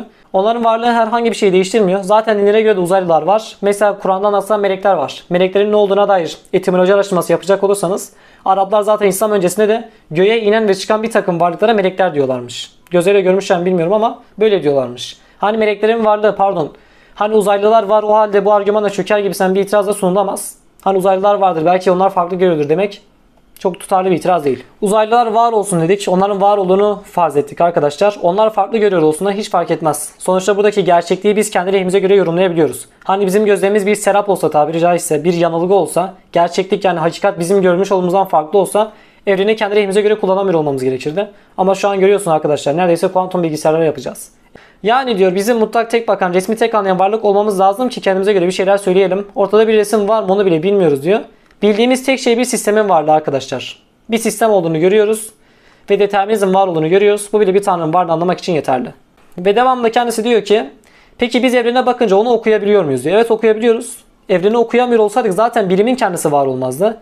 Evrene ne yazdığını anlayacak kadar mutlak mıyız diyor. Hayır diyor. Sadece anlamaya çalışıyoruz, yorum yapıyoruz. Şöyle olabilir diyoruz diyor. Hayır. Eğer demiş olduğun gibi olsaydı bilim de var olmazdı. Şu an teknoloji de var olmazdı. Hadi bilim var olsun bir takım teorilerle evren hakkında bir takım çıkarımlar yapmış olurduk. Ama teknoloji var olmazdı. Biz şu anda evreni kendi çıkarımıza göre kullanabiliyorsak bizim evreni doğru okuduğumuzun, kitabı doğru anladığımızın, doğru yorumlamış olduğumuzun en açık ispatıdır. Buna ben aslında başlangıçta değinmiş olduğumu hatırlıyorum ama ben yine değineyim tekrardan. Bilgisayarda bir yazılım yapacağız ya arkadaşlar. Yazılmış olan bir kitap var. Kitap da Türkçe diyelim. Bu kitap eğer Türkçe değilse, benim kendi dilime göre değilse ben bu kitabı yorumlamaya çalıştığım zaman, talimatları uygulamış olduğum zaman hatalı sonuçlar elde etmem gerekiyor. Ama hatalı sonuçlar değil, doğru sonuçlar elde ediyoruz. Devamında şunu söylüyor. Bilimi kullanıyoruz mesela diyor. Bir tablo mesela. Bilim bu tabloda şu renkler kullanılmış falan diyor. Teknik özelliklerini anlatıyor diyor. Ama bu resmi kim çizdi? Niye çizdi? Resim ne vermeye çalışıyor? Ne anlatıyor? Bunun hitap ettiği bölge akıldaki felsefe yapmaya yarayan sorgulama güdüsü. Yani bizi insan yapan şey sorgulayabilme özelliğimizdir diyor. Katılıyorum. Burası da doğru. Ki bu sorgulama diyor felsefe zamanla dinlere dönüşüyor diyor. Burada dikkat edelim. Burada bir yanlışlık var. Herkes resme baktığında neyi görüyorsa onu mutlak zannediyor. Burada kendisinin vermiş olduğu yanlış bilgi şu. Dinler felsefeyle ortaya çıkmadı. Çünkü felsefeyle verilemeyecek bir takım bilimsel bilgiler veriyorlar. Mesela asırlar öncesi yazılmış olan Krishna'nın kitabı var. Hinduizm kutsal kitaplarında. Kitabın içerisinde zamanın göreceli olduğu yazıyor. Bu felsefeyle ulaşılabilecek olan bir şey değil. Veya Kur'an mucizeleri biliyorsunuz. Big Bang olsun, evrenin genişlemesi olsun, jeoloji olsun, mesela orojenez falan olsun. Kur'an bunları o dönemin bilgisiyle bilme şansı olan bir kitap değil. Yani Kur'an'ın yazarı o dönem gözlem yaparak sağdan soldan okuyarak bunları söyleyemez. Söylese bile o dönemin yanlış bilgileri aslında doğruları nasıl ayırt etti? Bunlar felsefeyle ortaya çıkmış şeyler değil arkadaşlar. Bunların hepsine birer felsefe deyip geçme şansımız yoktur arkadaşlar. Hadi biz yine diyelim ki bütün bu dinlerin hepsi felsefeyle ortaya çıktı. Bütün dinlerin ortak olan şu üç iddiası hatta bir tanesi diyeyim ben şimdilik ahiret iddiası var. Mesela bunları zaten bilim doğruluyor. Bu felsefeyle ortaya çıkmış olan dinler evren gelişiyor dediler, bilim doğruladı. Bu felsefeyle ortaya çıkmış olan dinler evren tekilikten geldi doğrulandı. Jeolojiden bahsettiler, orojenezden bahsettiler, insanların rahmindeki oluşumundan bahsettiler. Bilim bunların hepsini doğruladı. Demek ki bu felsefeyle ortaya çıkan dinler de bilimsel olarak geçerleri ispatlanabiliyormuş. Doğruymuş yani bunlar. En basitinden şunu da belirtebiliriz. Mesela dinlerin ortak olarak şöyle bir iddiası vardır ki bunu zaten her mitolojide görebilirsiniz.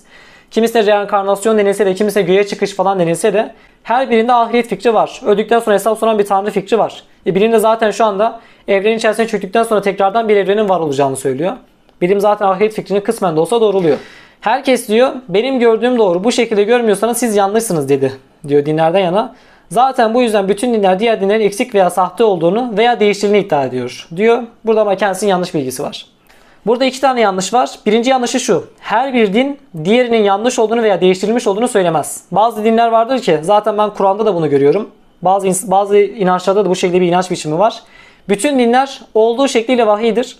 Ama aralardaki farklılıklar ise o dönemin şartlarıyla alakalı olan bir şey. Hani şöyle bir örnek vereyim. Mesela Tevrat'a baktığınız zaman Tanrı'nın birazcık sert bir tavır takındığını görüyorsunuz. Hani katı kuralları var, katı cezai sistemleri var. Neden böyle yapıyor Tanrı? Çünkü o dönemde İsrailoğullarının hak etmiş olduğu kurallar bunlardı. Onlar çok isyan eden bir kavimdi. Her zaman Allah'a nankörlük ettiler ve Allah onlara ağır hükümler veriyor. Daha sonra Hz. İsa geldiği zaman Allah İncil'de Tevrat'taki bir takım katı hükümleri hafifleterek farklı cezalar, farklı hukuk sistemleri meydana getirdi. Allah onların hükümlerini değiştirdi. Peki bu değiştirmenin temel sebebi ne? Çünkü dönemin şartları bunu gerektiriyordu. Ve en sonunda Kur'an geldi. Kur'an hepsinin hükmünü nesetti ve ortaya yepyeni bir kanun getirdi. Farklılıklar da temel olarak zaten bundan ortaya çıkıyor. Ve aynen bu şekilde var olan inanç sistemleri var. O yüzden bütün dinler böyle söylüyor demesi yanlış. Bütün dinleri araştırmamışsın. Çünkü aralarında bu şekilde benim dediğim gibi inananlar da var. İkinci yanlışı ise şu. Buradaki farklılık resimle alakalı olan bir şey değil. Yani şöyle anlatayım ben size. Hz. İsa evrene baktığı zaman işte ben şöyle görüyorum. Demek ki Tanrı böyle olmalıdır dedi. Musa da çıkıp ya Tanrı öyle değil böyle olmalıdır dedi gibisinden bir, bir durum falan yok aslında. Bu farklılıklar tamamen dönemin şartlarıyla alakalı olan bir şey. Resimle hiçbir alakası yok. Çünkü resme baktığı zaman zaten hepsi aynı şeyi iddia etti. Hepsi Allah var dedi. Hepsi bir hesap günü var dedi. Hepsi iyi insan olmamız emrediliyor dedi. Farklı bir şey söyleyen olmadı yani. Farklılıklar ise tamamen bahsetmiş olduğum gibi dönemin şartlarıyla alakalı olan şeyler. Devamında kendisi şöyle bir iddia ortaya atıyor. Dinle felsefeyle baktığınız zaman niçin görmeye çalışıyordunuz diyor. Nedenleri değil, kullanılan boyaları değil. Oradaki amacı manayı görmeye çalışıyordunuz diyor. Doğru buraya kadar. Ve herkes farklı bir amaç anladığı için de işler değişiyordu. Örnek istiyorsanız tarihe bakın diyor. Burada vermiş olduğu bilgi kısmen doğru olmakla birlikte kendisiyle çelişmiş olduğu bazı yerler var. Mesela diyor ki 5000 yıl önceki dinlerle bugünkü dinler aynı mı diyor. Anlatımlar aşağı yukarı aynı. Nuh tufanı, göklerin ve yerin birbirinden ayrılması, Tanrı'nın insanı çamurdan yaratması, kulluk için insanları yaratması ve itaat etmeyen insanları helak etmesi hemen hemen her dinde var olan bir şey. Mesela Sümer mitolojilerinde görmüşsünüzdür arkadaşlar. Yani okuyanlar için söylüyorum. Sümer mitolojisinde Tanrı niçin tufanı meydana getiriyor? Orada mesela Tanrı iletişime geçmiş olduğu Nuh'la yani Sümer'in Nuh'uyla iletişime geçerken Tanrı diyor ki sen ibadetlerine aksaklık göstermedin. Sen ibadetlerini her zaman yerine getirdin. Bir gemi yap diyor biz burayı helak edeceğiz diyor. Bakın itaat etmekleri için bir helak gerçekleşiyor. Mayaların kutsal kitabı var mesela. PV adında bir kutsal kitabı var. Kutsal kitabında da aynen zaten buna benzer bir olay anlatılıyor. Tanrı insanları yaratıyor. Yaratırken bize tapsın, bize kulluk etsinler diye yaratıyorlar. Ve yaratmış olduğu insanlar da kendilerine itaat etmediği zaman Allah onların hepsini bir tufanla helak ediyor. Tekrardan başka bir insan meydana getiriyor. Buyurun paralel anlatımlar var. Aşağı yukarı hepsini anlatmış olduğu şeyler aynı. Çünkü Allah'ın vahyi her zaman vardı. Ve temel olarak 3 öğreti. Bir tanrı var, ahiret var ve iyi insan olacaksın. Bu üç öğreti hemen hemen hepsinde aynı. Veya diyor ahlak kuralları diyor. Ahlak da görecelidir diyor. Doğru. Bu konuda ben de katılıyorum. Ahlak kavramı zaten göreceli bir şey. Tabi değişmeyen ahlak kuralları vardır. Orası işin ayrı boyutu. Veya diyor Türkiye'deki durumla Avrupa aynı mı diyor. Siyasete giriyoruz. Aynı değil. Bunlar sürekli değişiyorlar. Hukuk, yargı sistemleri, felsefeler, dinler ve ahlak diyor. Gerçeklik her zaman değişiyor diyor. Fakat fıtrat değişmiyor arkadaşlar. Bahsetmiştik zaten. Antik Yunan'daki insanlar da var olanlardan hareketle bir tanrıyı görüyordu. Bugün bilim insanı da, yani inançları için söylüyorum. Kuantumla uğraşan bilim insanı da, kozmoloji araştıran insanlar da, biyolojiyle ilgilenen bilim insanlar da tanrıyı görebiliyor. Çünkü fıtrat değişmiyor. O var olan fıtratımız değişmiyor. Her zaman aynı. Veya diyor 5000 yıl önce normal karşılanan şeylere bugün ayıplayarak bakabiliyoruz diyor. Ahlaki relativizmden bahsetmiş. Ancak o zaman ben sana şunu sormak istiyorum Diamond. Madem ahlakın göreceli olduğunu biliyorsun. Zeyd ve Zeynep olayını niçin eleştiriyorsun? Peygamberin evlatlığım demiş olduğu bir adamın boşanmış olduğu dul bir kadınla evlilik yapmasını niçin evlatlığın karısıyla evlenmek diyerek eleştiriyorsun? Ahlakın göreceli olduğunu biliyorsan eleştirmemen gerekiyor. Veya 5000 yıl önce mutlak gerçek sanmış olduğumuz şeyleri bugün zırva olarak görüyoruz diyor. Belki bugün resim olarak gördüğümüz şey ileride bize karalama olarak gelecek diyor. İleride karalama olarak gelmeyecek arkadaşlar. Taş devrinde de biz evrene baktığımız zaman sistem görüyorduk. Bugün bilim bu kadar gelişti. Biz yine sistem görüyoruz. Değişen bir şey olmuyor. Belki de yeterince bilmediğimiz için resim görmek istiyorsunuz. Karalamaya bakarak resim görüyorsunuz. Birisi çıkıp karalama diyor. Birisi çıkıp sanatçı bir mesaj vermek istemiş falan diyor diyor. Peki bilim hangisini doğruluyor? Birim, determinizm ve hassas ayarlar sebebiyle bu bir resimdir, bu bir tasarımdır, bu bir sistemdir diyenleri doğruluyor. Bu bir karalamadır diyenleri falan doğrulamıyor. Karalamanın olduğu yerde zaten sen bir çıkarım yapamazsın. Bilemeyiz diyor. Belki de bir, gerçekten bir resim var. Biz karalama olarak görüyoruz falan deyip devam ediyor. Olay kısacası bakış açısıyla alakalı diyor. Resim görmek isteyen resim, karalama görmek isteyen karalama görüyor diyor. Temelde bakış açısıyla alakalı. Bu doğru. Ancak eğer siz rasyonelist iseniz, yani benim için akıl kriterdir. Ben gerçekliği aklıma göre belirliyorum diyorsanız evrenin bir tasarım olduğu, bir sistem olduğu ve bu sistemden hareketle var eden bir tanrının yani bir Allah'ın var olduğu %100 kesin bir şeydir. Eğer rasyonelist iseniz diyorum arkadaşlar. Devamında kendisi diyor ki bana sorarsanız resim diye bir şey yoktur deyip bir takım açıklamalarda bulunuyor. Ortada görülebilecek bir resim olmadığı için herkes hayal gücüne bağlıyor. Herkes atasından duymuş olduğu, görmüş olduğu şeyleri iddia ediyor. Bu yüzden de tartışma çıkıyor ve zaten binlerce yıldır bu yüzden anlaşamıyoruz diyor. Evrene baktığımız zaman herkesin istisnasız ortak olarak görmüş olduğu şey bir sistemdir. Bu konuda hiç kimsenin bir tartışması olmadı. Buna herhangi bir itirazımız da olmadı. Bizim itirazımız ve tartışmamız daha çok dinlerle alakalı oldu. Tanrı neyi emretmiştir konusunda oldu. Bunların kesinlikle resimle yani evrenin kendisi hiçbir alakası yoktur. Eğer ne olduğu bilinen anlaşılan bir resim olsaydı herkes Tanrı'ya inanıyor olurdu. Herkes teist olurdu diyor. Belirtmiştim. Rasyonelist iseniz teizm zaten mutlak tek gerçekliktir. Diğer inanç biçimlerinin zaten rasyonelist herhangi bir temeli yok. Eğer gerçekten resim olmasaydı kimse Tanrı'ya inanmıyor olur muydu diyor. Hayır demiş kendisi. Ben ise aslında evet diyorum arkadaşlar. Çünkü inanmak için bir kanıt olmazdı. Yani şöyle anlatayım ben size. Bir resim var olmasaydı kimse sistemin var olduğunu iddia edemezdi. Yani efendim bakın burada bir sistem var. Bu sistem sayesinde bir tanrının varlığını anlıyoruz falan diyemezdi. Çünkü tamamen bir kaotik bir ortam olurdu. Tanrının varlığına da hiçbir kanıt sunulamıyor olurdu. Hadi bir şekilde bir takım insanlara iddia etti işte bir tanrı diye bir varlık var demiş olsaydı bu tıpkı perilerin varlığı gibi bir şey olurdu. Yani birileri çıkıp ben aslında perilere inanıyorum diyebilirdi. Ama buna dair herhangi bir kanıt sunulmazdı. Sadece inanıyorum derdik. Ama biz şu anda Tanrı'nın varlığına dair bir takım kanıtlar sunabiliyoruz. Neden? Çünkü ortada bir resim var. Resim var olduğu için bunları söyleyebiliyoruz. Eğer resim var olmasaydı Tanrı iddiası tıpkı periler gibi veya hayaletler gibi sadece iddia olurdu. İddia olmaktan öteye geçemezdi. Devamında ise mürekkep lekesine bakarak hani çocuklar bir şey görmeye çalışır diyordu ya. Bunda bulutlar olarak örnek vermiş. Bulutlara bakıyorsunuz diyor. Bir şekil görmeye çalışıyorsunuz. Veya aya bakıp bir surat görmeye çalışıyorsunuz diyor. Hayal gücüyle alakalıdır diyor. İnsan gördüğü şeyleri bir şeye benzetmeye çalışır. Bununla alakalı hastalık da vardır hatta diyor. Bunu hastalığa benzetmiş yani. Siz eve baktığınızda veya başka bir şeye baktığınızda bir surat görebilirsiniz diyor. Ekrana da görsel koymuş. Çünkü diyor çıkarım yaparak bakıyorsunuz. Bulutlara bir amaçla bakarak bir şekil gören de haklı. Sadece bulut gören de. Çünkü insan bir amaçla yaşıyor. Bu amaçla isteyen bir şeyler bulur. istemeyen bir şeyler bulmaz diyor.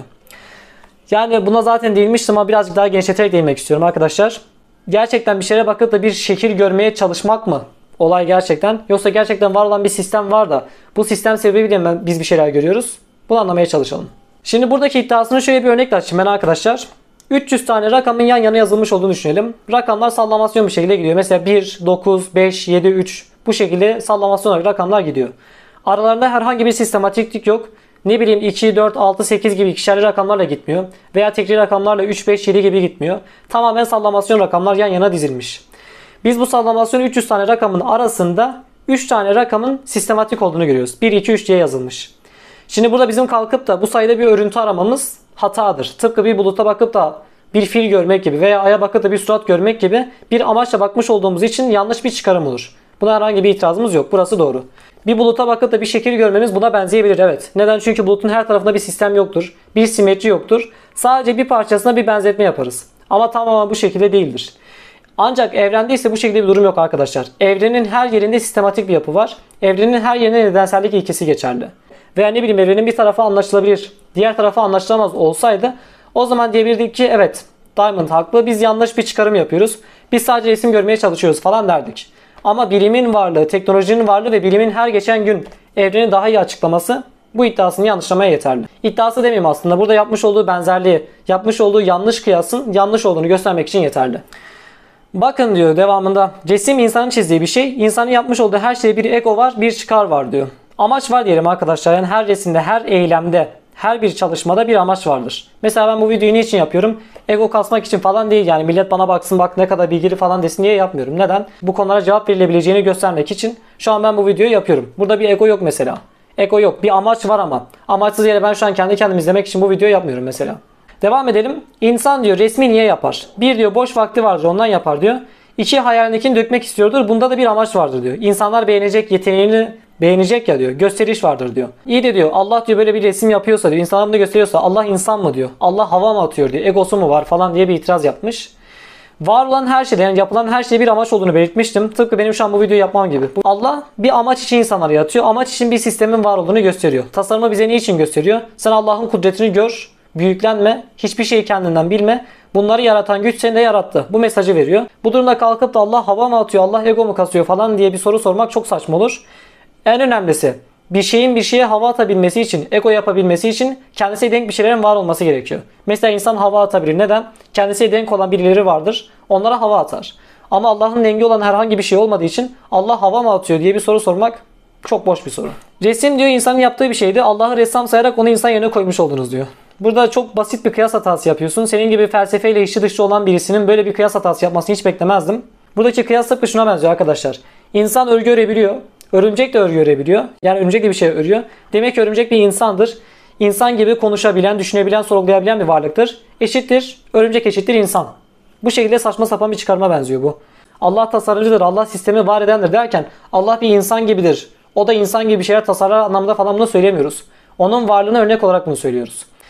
Bir örnek daha verelim diyor. Mesela akan bir dere düşünelim diyor. Akış yönüne bağlı olarak derenin bir süre sonra hangi istikamete doğru akacağı bellidir diyor. Yoksa dere kafasına göre şu bölgeye akayım da işte hayvanlar rızıklansın, nimetlensin falan demez diyor. Evren de aynı şekilde şurada şu ayarı yapalım da insan oluşsun demez diyor. Böyle bir niyet bulmak istediğiniz zaman diyor bu niyet zaten içgüdüsel olarak geliyor arkadaşlar. Çünkü biz var olan her şeyde bir sebep arıyoruz. Bu da bizim aksiyonlarımızdan geliyor. Tanrı'ya ihtiyaç duyuyorsun. Yani böyle bir niyet bulmak istediğiniz için Tanrı'ya ihtiyaç duyuyorsunuz diyor. Ama diyor bu Tanrı'nın var olduğunu göstermez diyor. Determinizm sebebiyle determinizm zaten bizim bu şekilde oluşacağımız belirlenmiş ya. Tabi caizse insanın bugün var olanlardan hareketle bir tanrının varlığını anlama ihtiyacı, onu arama ihtiyacı, her şeyde bir niyet ve amaç arama ihtiyacı var ya. Bu amacın var olacağı Big Bang andan itibaren zaten belirlenmişti. Determinizm varsa determinizmin varlığı zaten Allah'ın varlığını ayrı bir boyuttan ispatlıyor. Aynı Allah'ın bizim bu şekilde düşünmemizi istemiş olduğunu, bizi bu şekilde programlanmış olduğunu da biz bu içgüdüler sayesinde anlıyoruz. Bu aksiyonlar sayesinde anlıyoruz yani. Buradan bile biz bir tanrının varlığını anlayabiliriz. Yani bu tanrının var olduğunu göstermez diyor ya. Aslında gösterir yani. Fıtrat olarak determinizmi işin içerisine koyduğunuz zaman tanrının var olduğunu çok bariz bir şekilde gösterir. Tabi demiş olduğum gibi rasyonelist birisiyseniz aklın benim için gerçekliğin kriteridir diyorsanız gösterir. Devamında şunu söylüyor. Derenin e, doğası nasıl akmak ise evrenin de doğası bu şekilde var olmaktır diyor. Big Bang de bu şekildedir diyor. Yani varlık diyor zaten tabiatı gereğince hiçlikten gelecekmiş. Ondan dolayı böyledir diyor.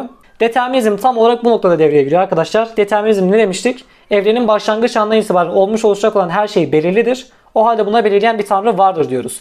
Yani evren nasıl var olmak zorundaysa yani tabiatı böyleyse ona bu tabiatı veren de bir tanrının var olduğunu görüyoruz. Neden? Çünkü determinizm var. Eğer rastgelelik hakim olsaydı o zaman tanrı aramamıza gerek falan kalmazdı. Her şeyi tesadüfe bağlayabilirdik. Madem ki diyor bu evren sadece bu hassas ayarlarla var olabilir. Bu durumda tam tersi mümkün diyor. Mesela çoklu evrenler vardır diyor. Stephen Hawking'in bahsetmiş olduğu M kuramı. Buna zaten değinmiştik. Başka evrenler varsa hassas ayarlara gerek kalmaz diyor. Buna zaten değindim.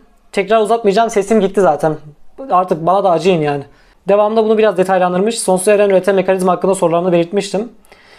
Eğer çoklu evrene kanıt derseniz tek bu evrenin var olduğuna dair bir kanıt yok diyor. Bir şeyin varlığına dair kanıt gerekir abicim. Tek bu evrenin varlığına dair kanıt yoktur demen çok tuhaf bir şey. Senin her şeyden önce çoklu evrenlerin varlığına dair bir kanıt sunman gerekiyor. Eğer çoklu evrenlere kanıt yok derseniz tek bu evrenin var olduğuna dair de bir kanıt yoktur diyor. Abi bir şeyin varlığına kanıt gerekir. Bu evrenin varlığına dair bir kanıt var mı? Var. Başka evrenlerin var olduğuna dair kanıt, kanıt sunman gerekiyor. Bu tıpkı uzayda çaydanlığın olmadığını ispatla demek gibi bir şeye benziyor. Yani bir şeyin varlığına kanıt gerekir. Yokluğuna kanıt gerekmez. Senin her şeyden önce varlığına dair kanıt vermen gerekiyor. Bir yazıda tura denemesine arka arkaya 1 milyon defa yazı gelme ihtimali çok düşüktür diyor. Ancak sonsuz deneme hakkınız varsa bu ihtimal kaçınılmazdır, kesinlikle olacaktır diyor. %100 olacaktır diyor. Ciddi bir inanç isteyen bir durum ama demiş olduğum gibi sonsuz evrenlere bunu bağlayarak söylüyor tabii kendisi. Sen sonsuza kadar parayı atabilirsin. Sonsuza kadar milyonlarca kez bu paranın arda tura veya yazı gelme olasılığının var olduğunu düşünelim. Para olmasaydı ve o ortam olmasaydı. Mesela sen olmasaydın. O koşullar, fizik kanunları var olmasaydı. Sen böyle bir denemeyi yapabilir miydin? Sonsuz evrenler üreten mekanizma var olmasaydı, sonsuz evrenin tetikleyebileceği bu şekilde bir evren düzeni var olmasaydı, yine sonsuz evrenler var olabilir miydi? Var olmazdı. Yani sen sadece hassas ayarı bunlarla açıklamış olsan da Leibniz'in sormuş olduğu neden hiçbir şey yerine bir şeyler var sorusu halen havada duruyor. Bunu cevaplamış olmuyorsun yani. Ve sonlara doğru geliyoruz. Bayağı bir yoruldum. bir emeğe saygı amacı buraya kadar izlediyseniz ki bilmiyorum izleyenler olacak mı? Bir beğenin. Hiç değilse paylaşın arkadaşlar. Bak sesim getir. Ramazan mübarek. Orucum. Oruç halde bunu yapıyorum yani. Hiç değilse paylaşın yani. Benim amacım sesimin duyulması. Sesim de gitti bu arada. Ve devamında ise tam son kısımda totoloji yapıyor arkadaşlar. Bu evren tasarlanmışsa tasarlanmamış diğer evrenleri göstermiş olduğunuz için tasarımın bir anlamı kalmıyor diyor. Çünkü çoklu evrenler var. İlla ki bir tanesi denk gelecekti diyor. Tamam hadi öyle olsun. Eğer tek bu evren varsa tasarlanmayan başka bir evren gösteremediğiniz için yine bir anlamı kalmıyor. Çünkü her şey zıttıyla bilinir diyor. Bunu zaten başlangıçta değinmiştim. Totoloji yapıyor yine burada. Değinmiştim tekrar tekrar değinme ihtiyacı hissetmiyorum. Ancak eğer çok, çoklu evrenler varsa ve tasarlanmamış başka evrenler varsa determinizm mantığına göre yine tasarımın bir anlamı kalıyor. Çünkü determinizme göre bizim evrenimiz zaten bu şekilde var olmak zorundaydı. Tıpkı diğer evrenlerin tasarlanmamış olmasının zorunluluğu gibi bizim evrenimizin de tasarlanmış olması zorunlu olacaktı.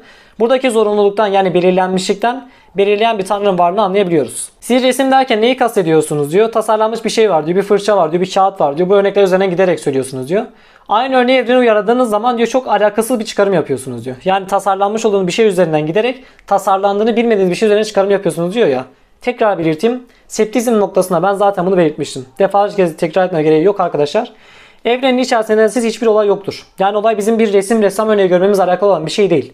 Evrende hiçbir şey nedensiz değildir. Evrendeki her şeyin bir nedeni varken evrendeki bu düzenin, bu sistemin halihazırda bulunan bu domino taşlarının bir sebebini bulamadığımız için bir tanrı arayışına geçiyoruz. Çünkü bilinç yani aksiyonlarımız bir bilinç arayışına geçiyor arkadaşlar. Bir zeka arıyoruz, bir akıl arıyoruz yani. Çünkü var olan sistem kendi kendine açıklamaya yeterli değil. Bilinci olmayan maddenin bilinçli bir varlığı ortaya çıkarabilmesi mümkün olan bir şey değil. Bu yüzden bir tasarımcı arıyoruz. Devamında da aynı şeyi tekrar ediyor. Mesela diyor ki Tanrı ihtiyacınızı gideriyor resim diyor. Neden diyor? Çünkü bir ihtiyaçla bir şey görmek amacı resme bakıyorsunuz. Evrene bakıyorsunuz diyor. Bu da sizi Tanrı sonucuna götürüyor diyor. Belirtmiştim. Bizim aksiyonlarımız sebebiyle bir şeye bakarak Tanrı'yı görme ihtiyacımız zaten aksiyonlarımızla kaynaklı. Determinizmin sebebiyle bu da fıtri olarak bir Tanrı'nın varlığının ispatıdır. Başka bir yanlış ise sebep ve sonuçları yer değiştirme mantığı diyor. Videonun tam olarak girişine ben buna değinmiştim. O yüzden burayı fazla uzatmamak için tekrar tekrar değinmiyorum. Başlangıçta oraya bakabilirsiniz arkadaşlar. Devamında demiş olduğum gibi tekrar tekrar tasarım tasarımcı örneğine giriyor. Evrenin içi örneklere gitmiş olduğumuzu belirtiyor. Sebep ve sonuç arasında yer değiştirme mantığından bahsediyor. Bunları zaten değinmiştik. Ama unutmayın diyor bu tasarımları yapan da bir tasarımcıya muhtaçtı diyor. Tanrı kim yarattı sorusu çok klişe bir soru. Bununla alakalı zaten pek çok video yapıldı. Ben burada tekrar değinmeye ihtiyacı hissetmiyorum ama sadece şunu belirteyim hiç yoktan arkadaşlar. Varoluş ve oluşum zaman içinde geçerli olan bir şey. Biz zamana ve maddeye, mekana bağlı olduğumuz için bizim bir önceliğimiz var. Bizden önce bir şeyler var, bizim bir sebeplerimiz var yani. Ancak Big Bang'den önce zaman, mekan, madde, ortam olmadığı için ve Big Bang'den önce de Tanrı var olduğu için dine göre bu durumda Tanrı zaten zamanla, mekanla, maddeden münezzehtir. Bu yüzden Tanrı için bir oluşum kavramı yoktur. Çünkü oluşum kavramı yani oluşma, meydana gelme kavramı zaman içerisinde geçer olan bir şey. E Tanrı zaten zamana var eden bir şey. Dolayısıyla zamandan münezzeh olmak zorunda. Bu durumda Tanrı'yı kim yaratmıştır? Tanrı'nın tasarımcısı var mıdır gibi sen bir soru sormak çok mantıksız bir sorudur. Devam edelim. Şimdi videoda kritik bir sözü var diyor ki bu özellikler kendiliğinden var olabiliyorsa Tanrı'da diyor. Yani Tanrı'da kendinden var olabiliyorsa diyor. Evrende de kendinden var olabilir. Big Bang, Big Crunch falan kendiliğinden sürekli olarak tekrar ediyor olabilir diyor. Değinmiştim. Varoluş kavramı zaman içerisinde olanlar için geçerlidir. Bizim için varoluş kavramı vardır. Çünkü biz zamana dahiliz, mekana dahiliz, maddeye bağlıyız. Ama maddeyi zamanı mekanı var eden için varoluş kavramı yoktur. Onda bir nevi oluşma kavramı bile yoktur. O doğrudan vardır yani.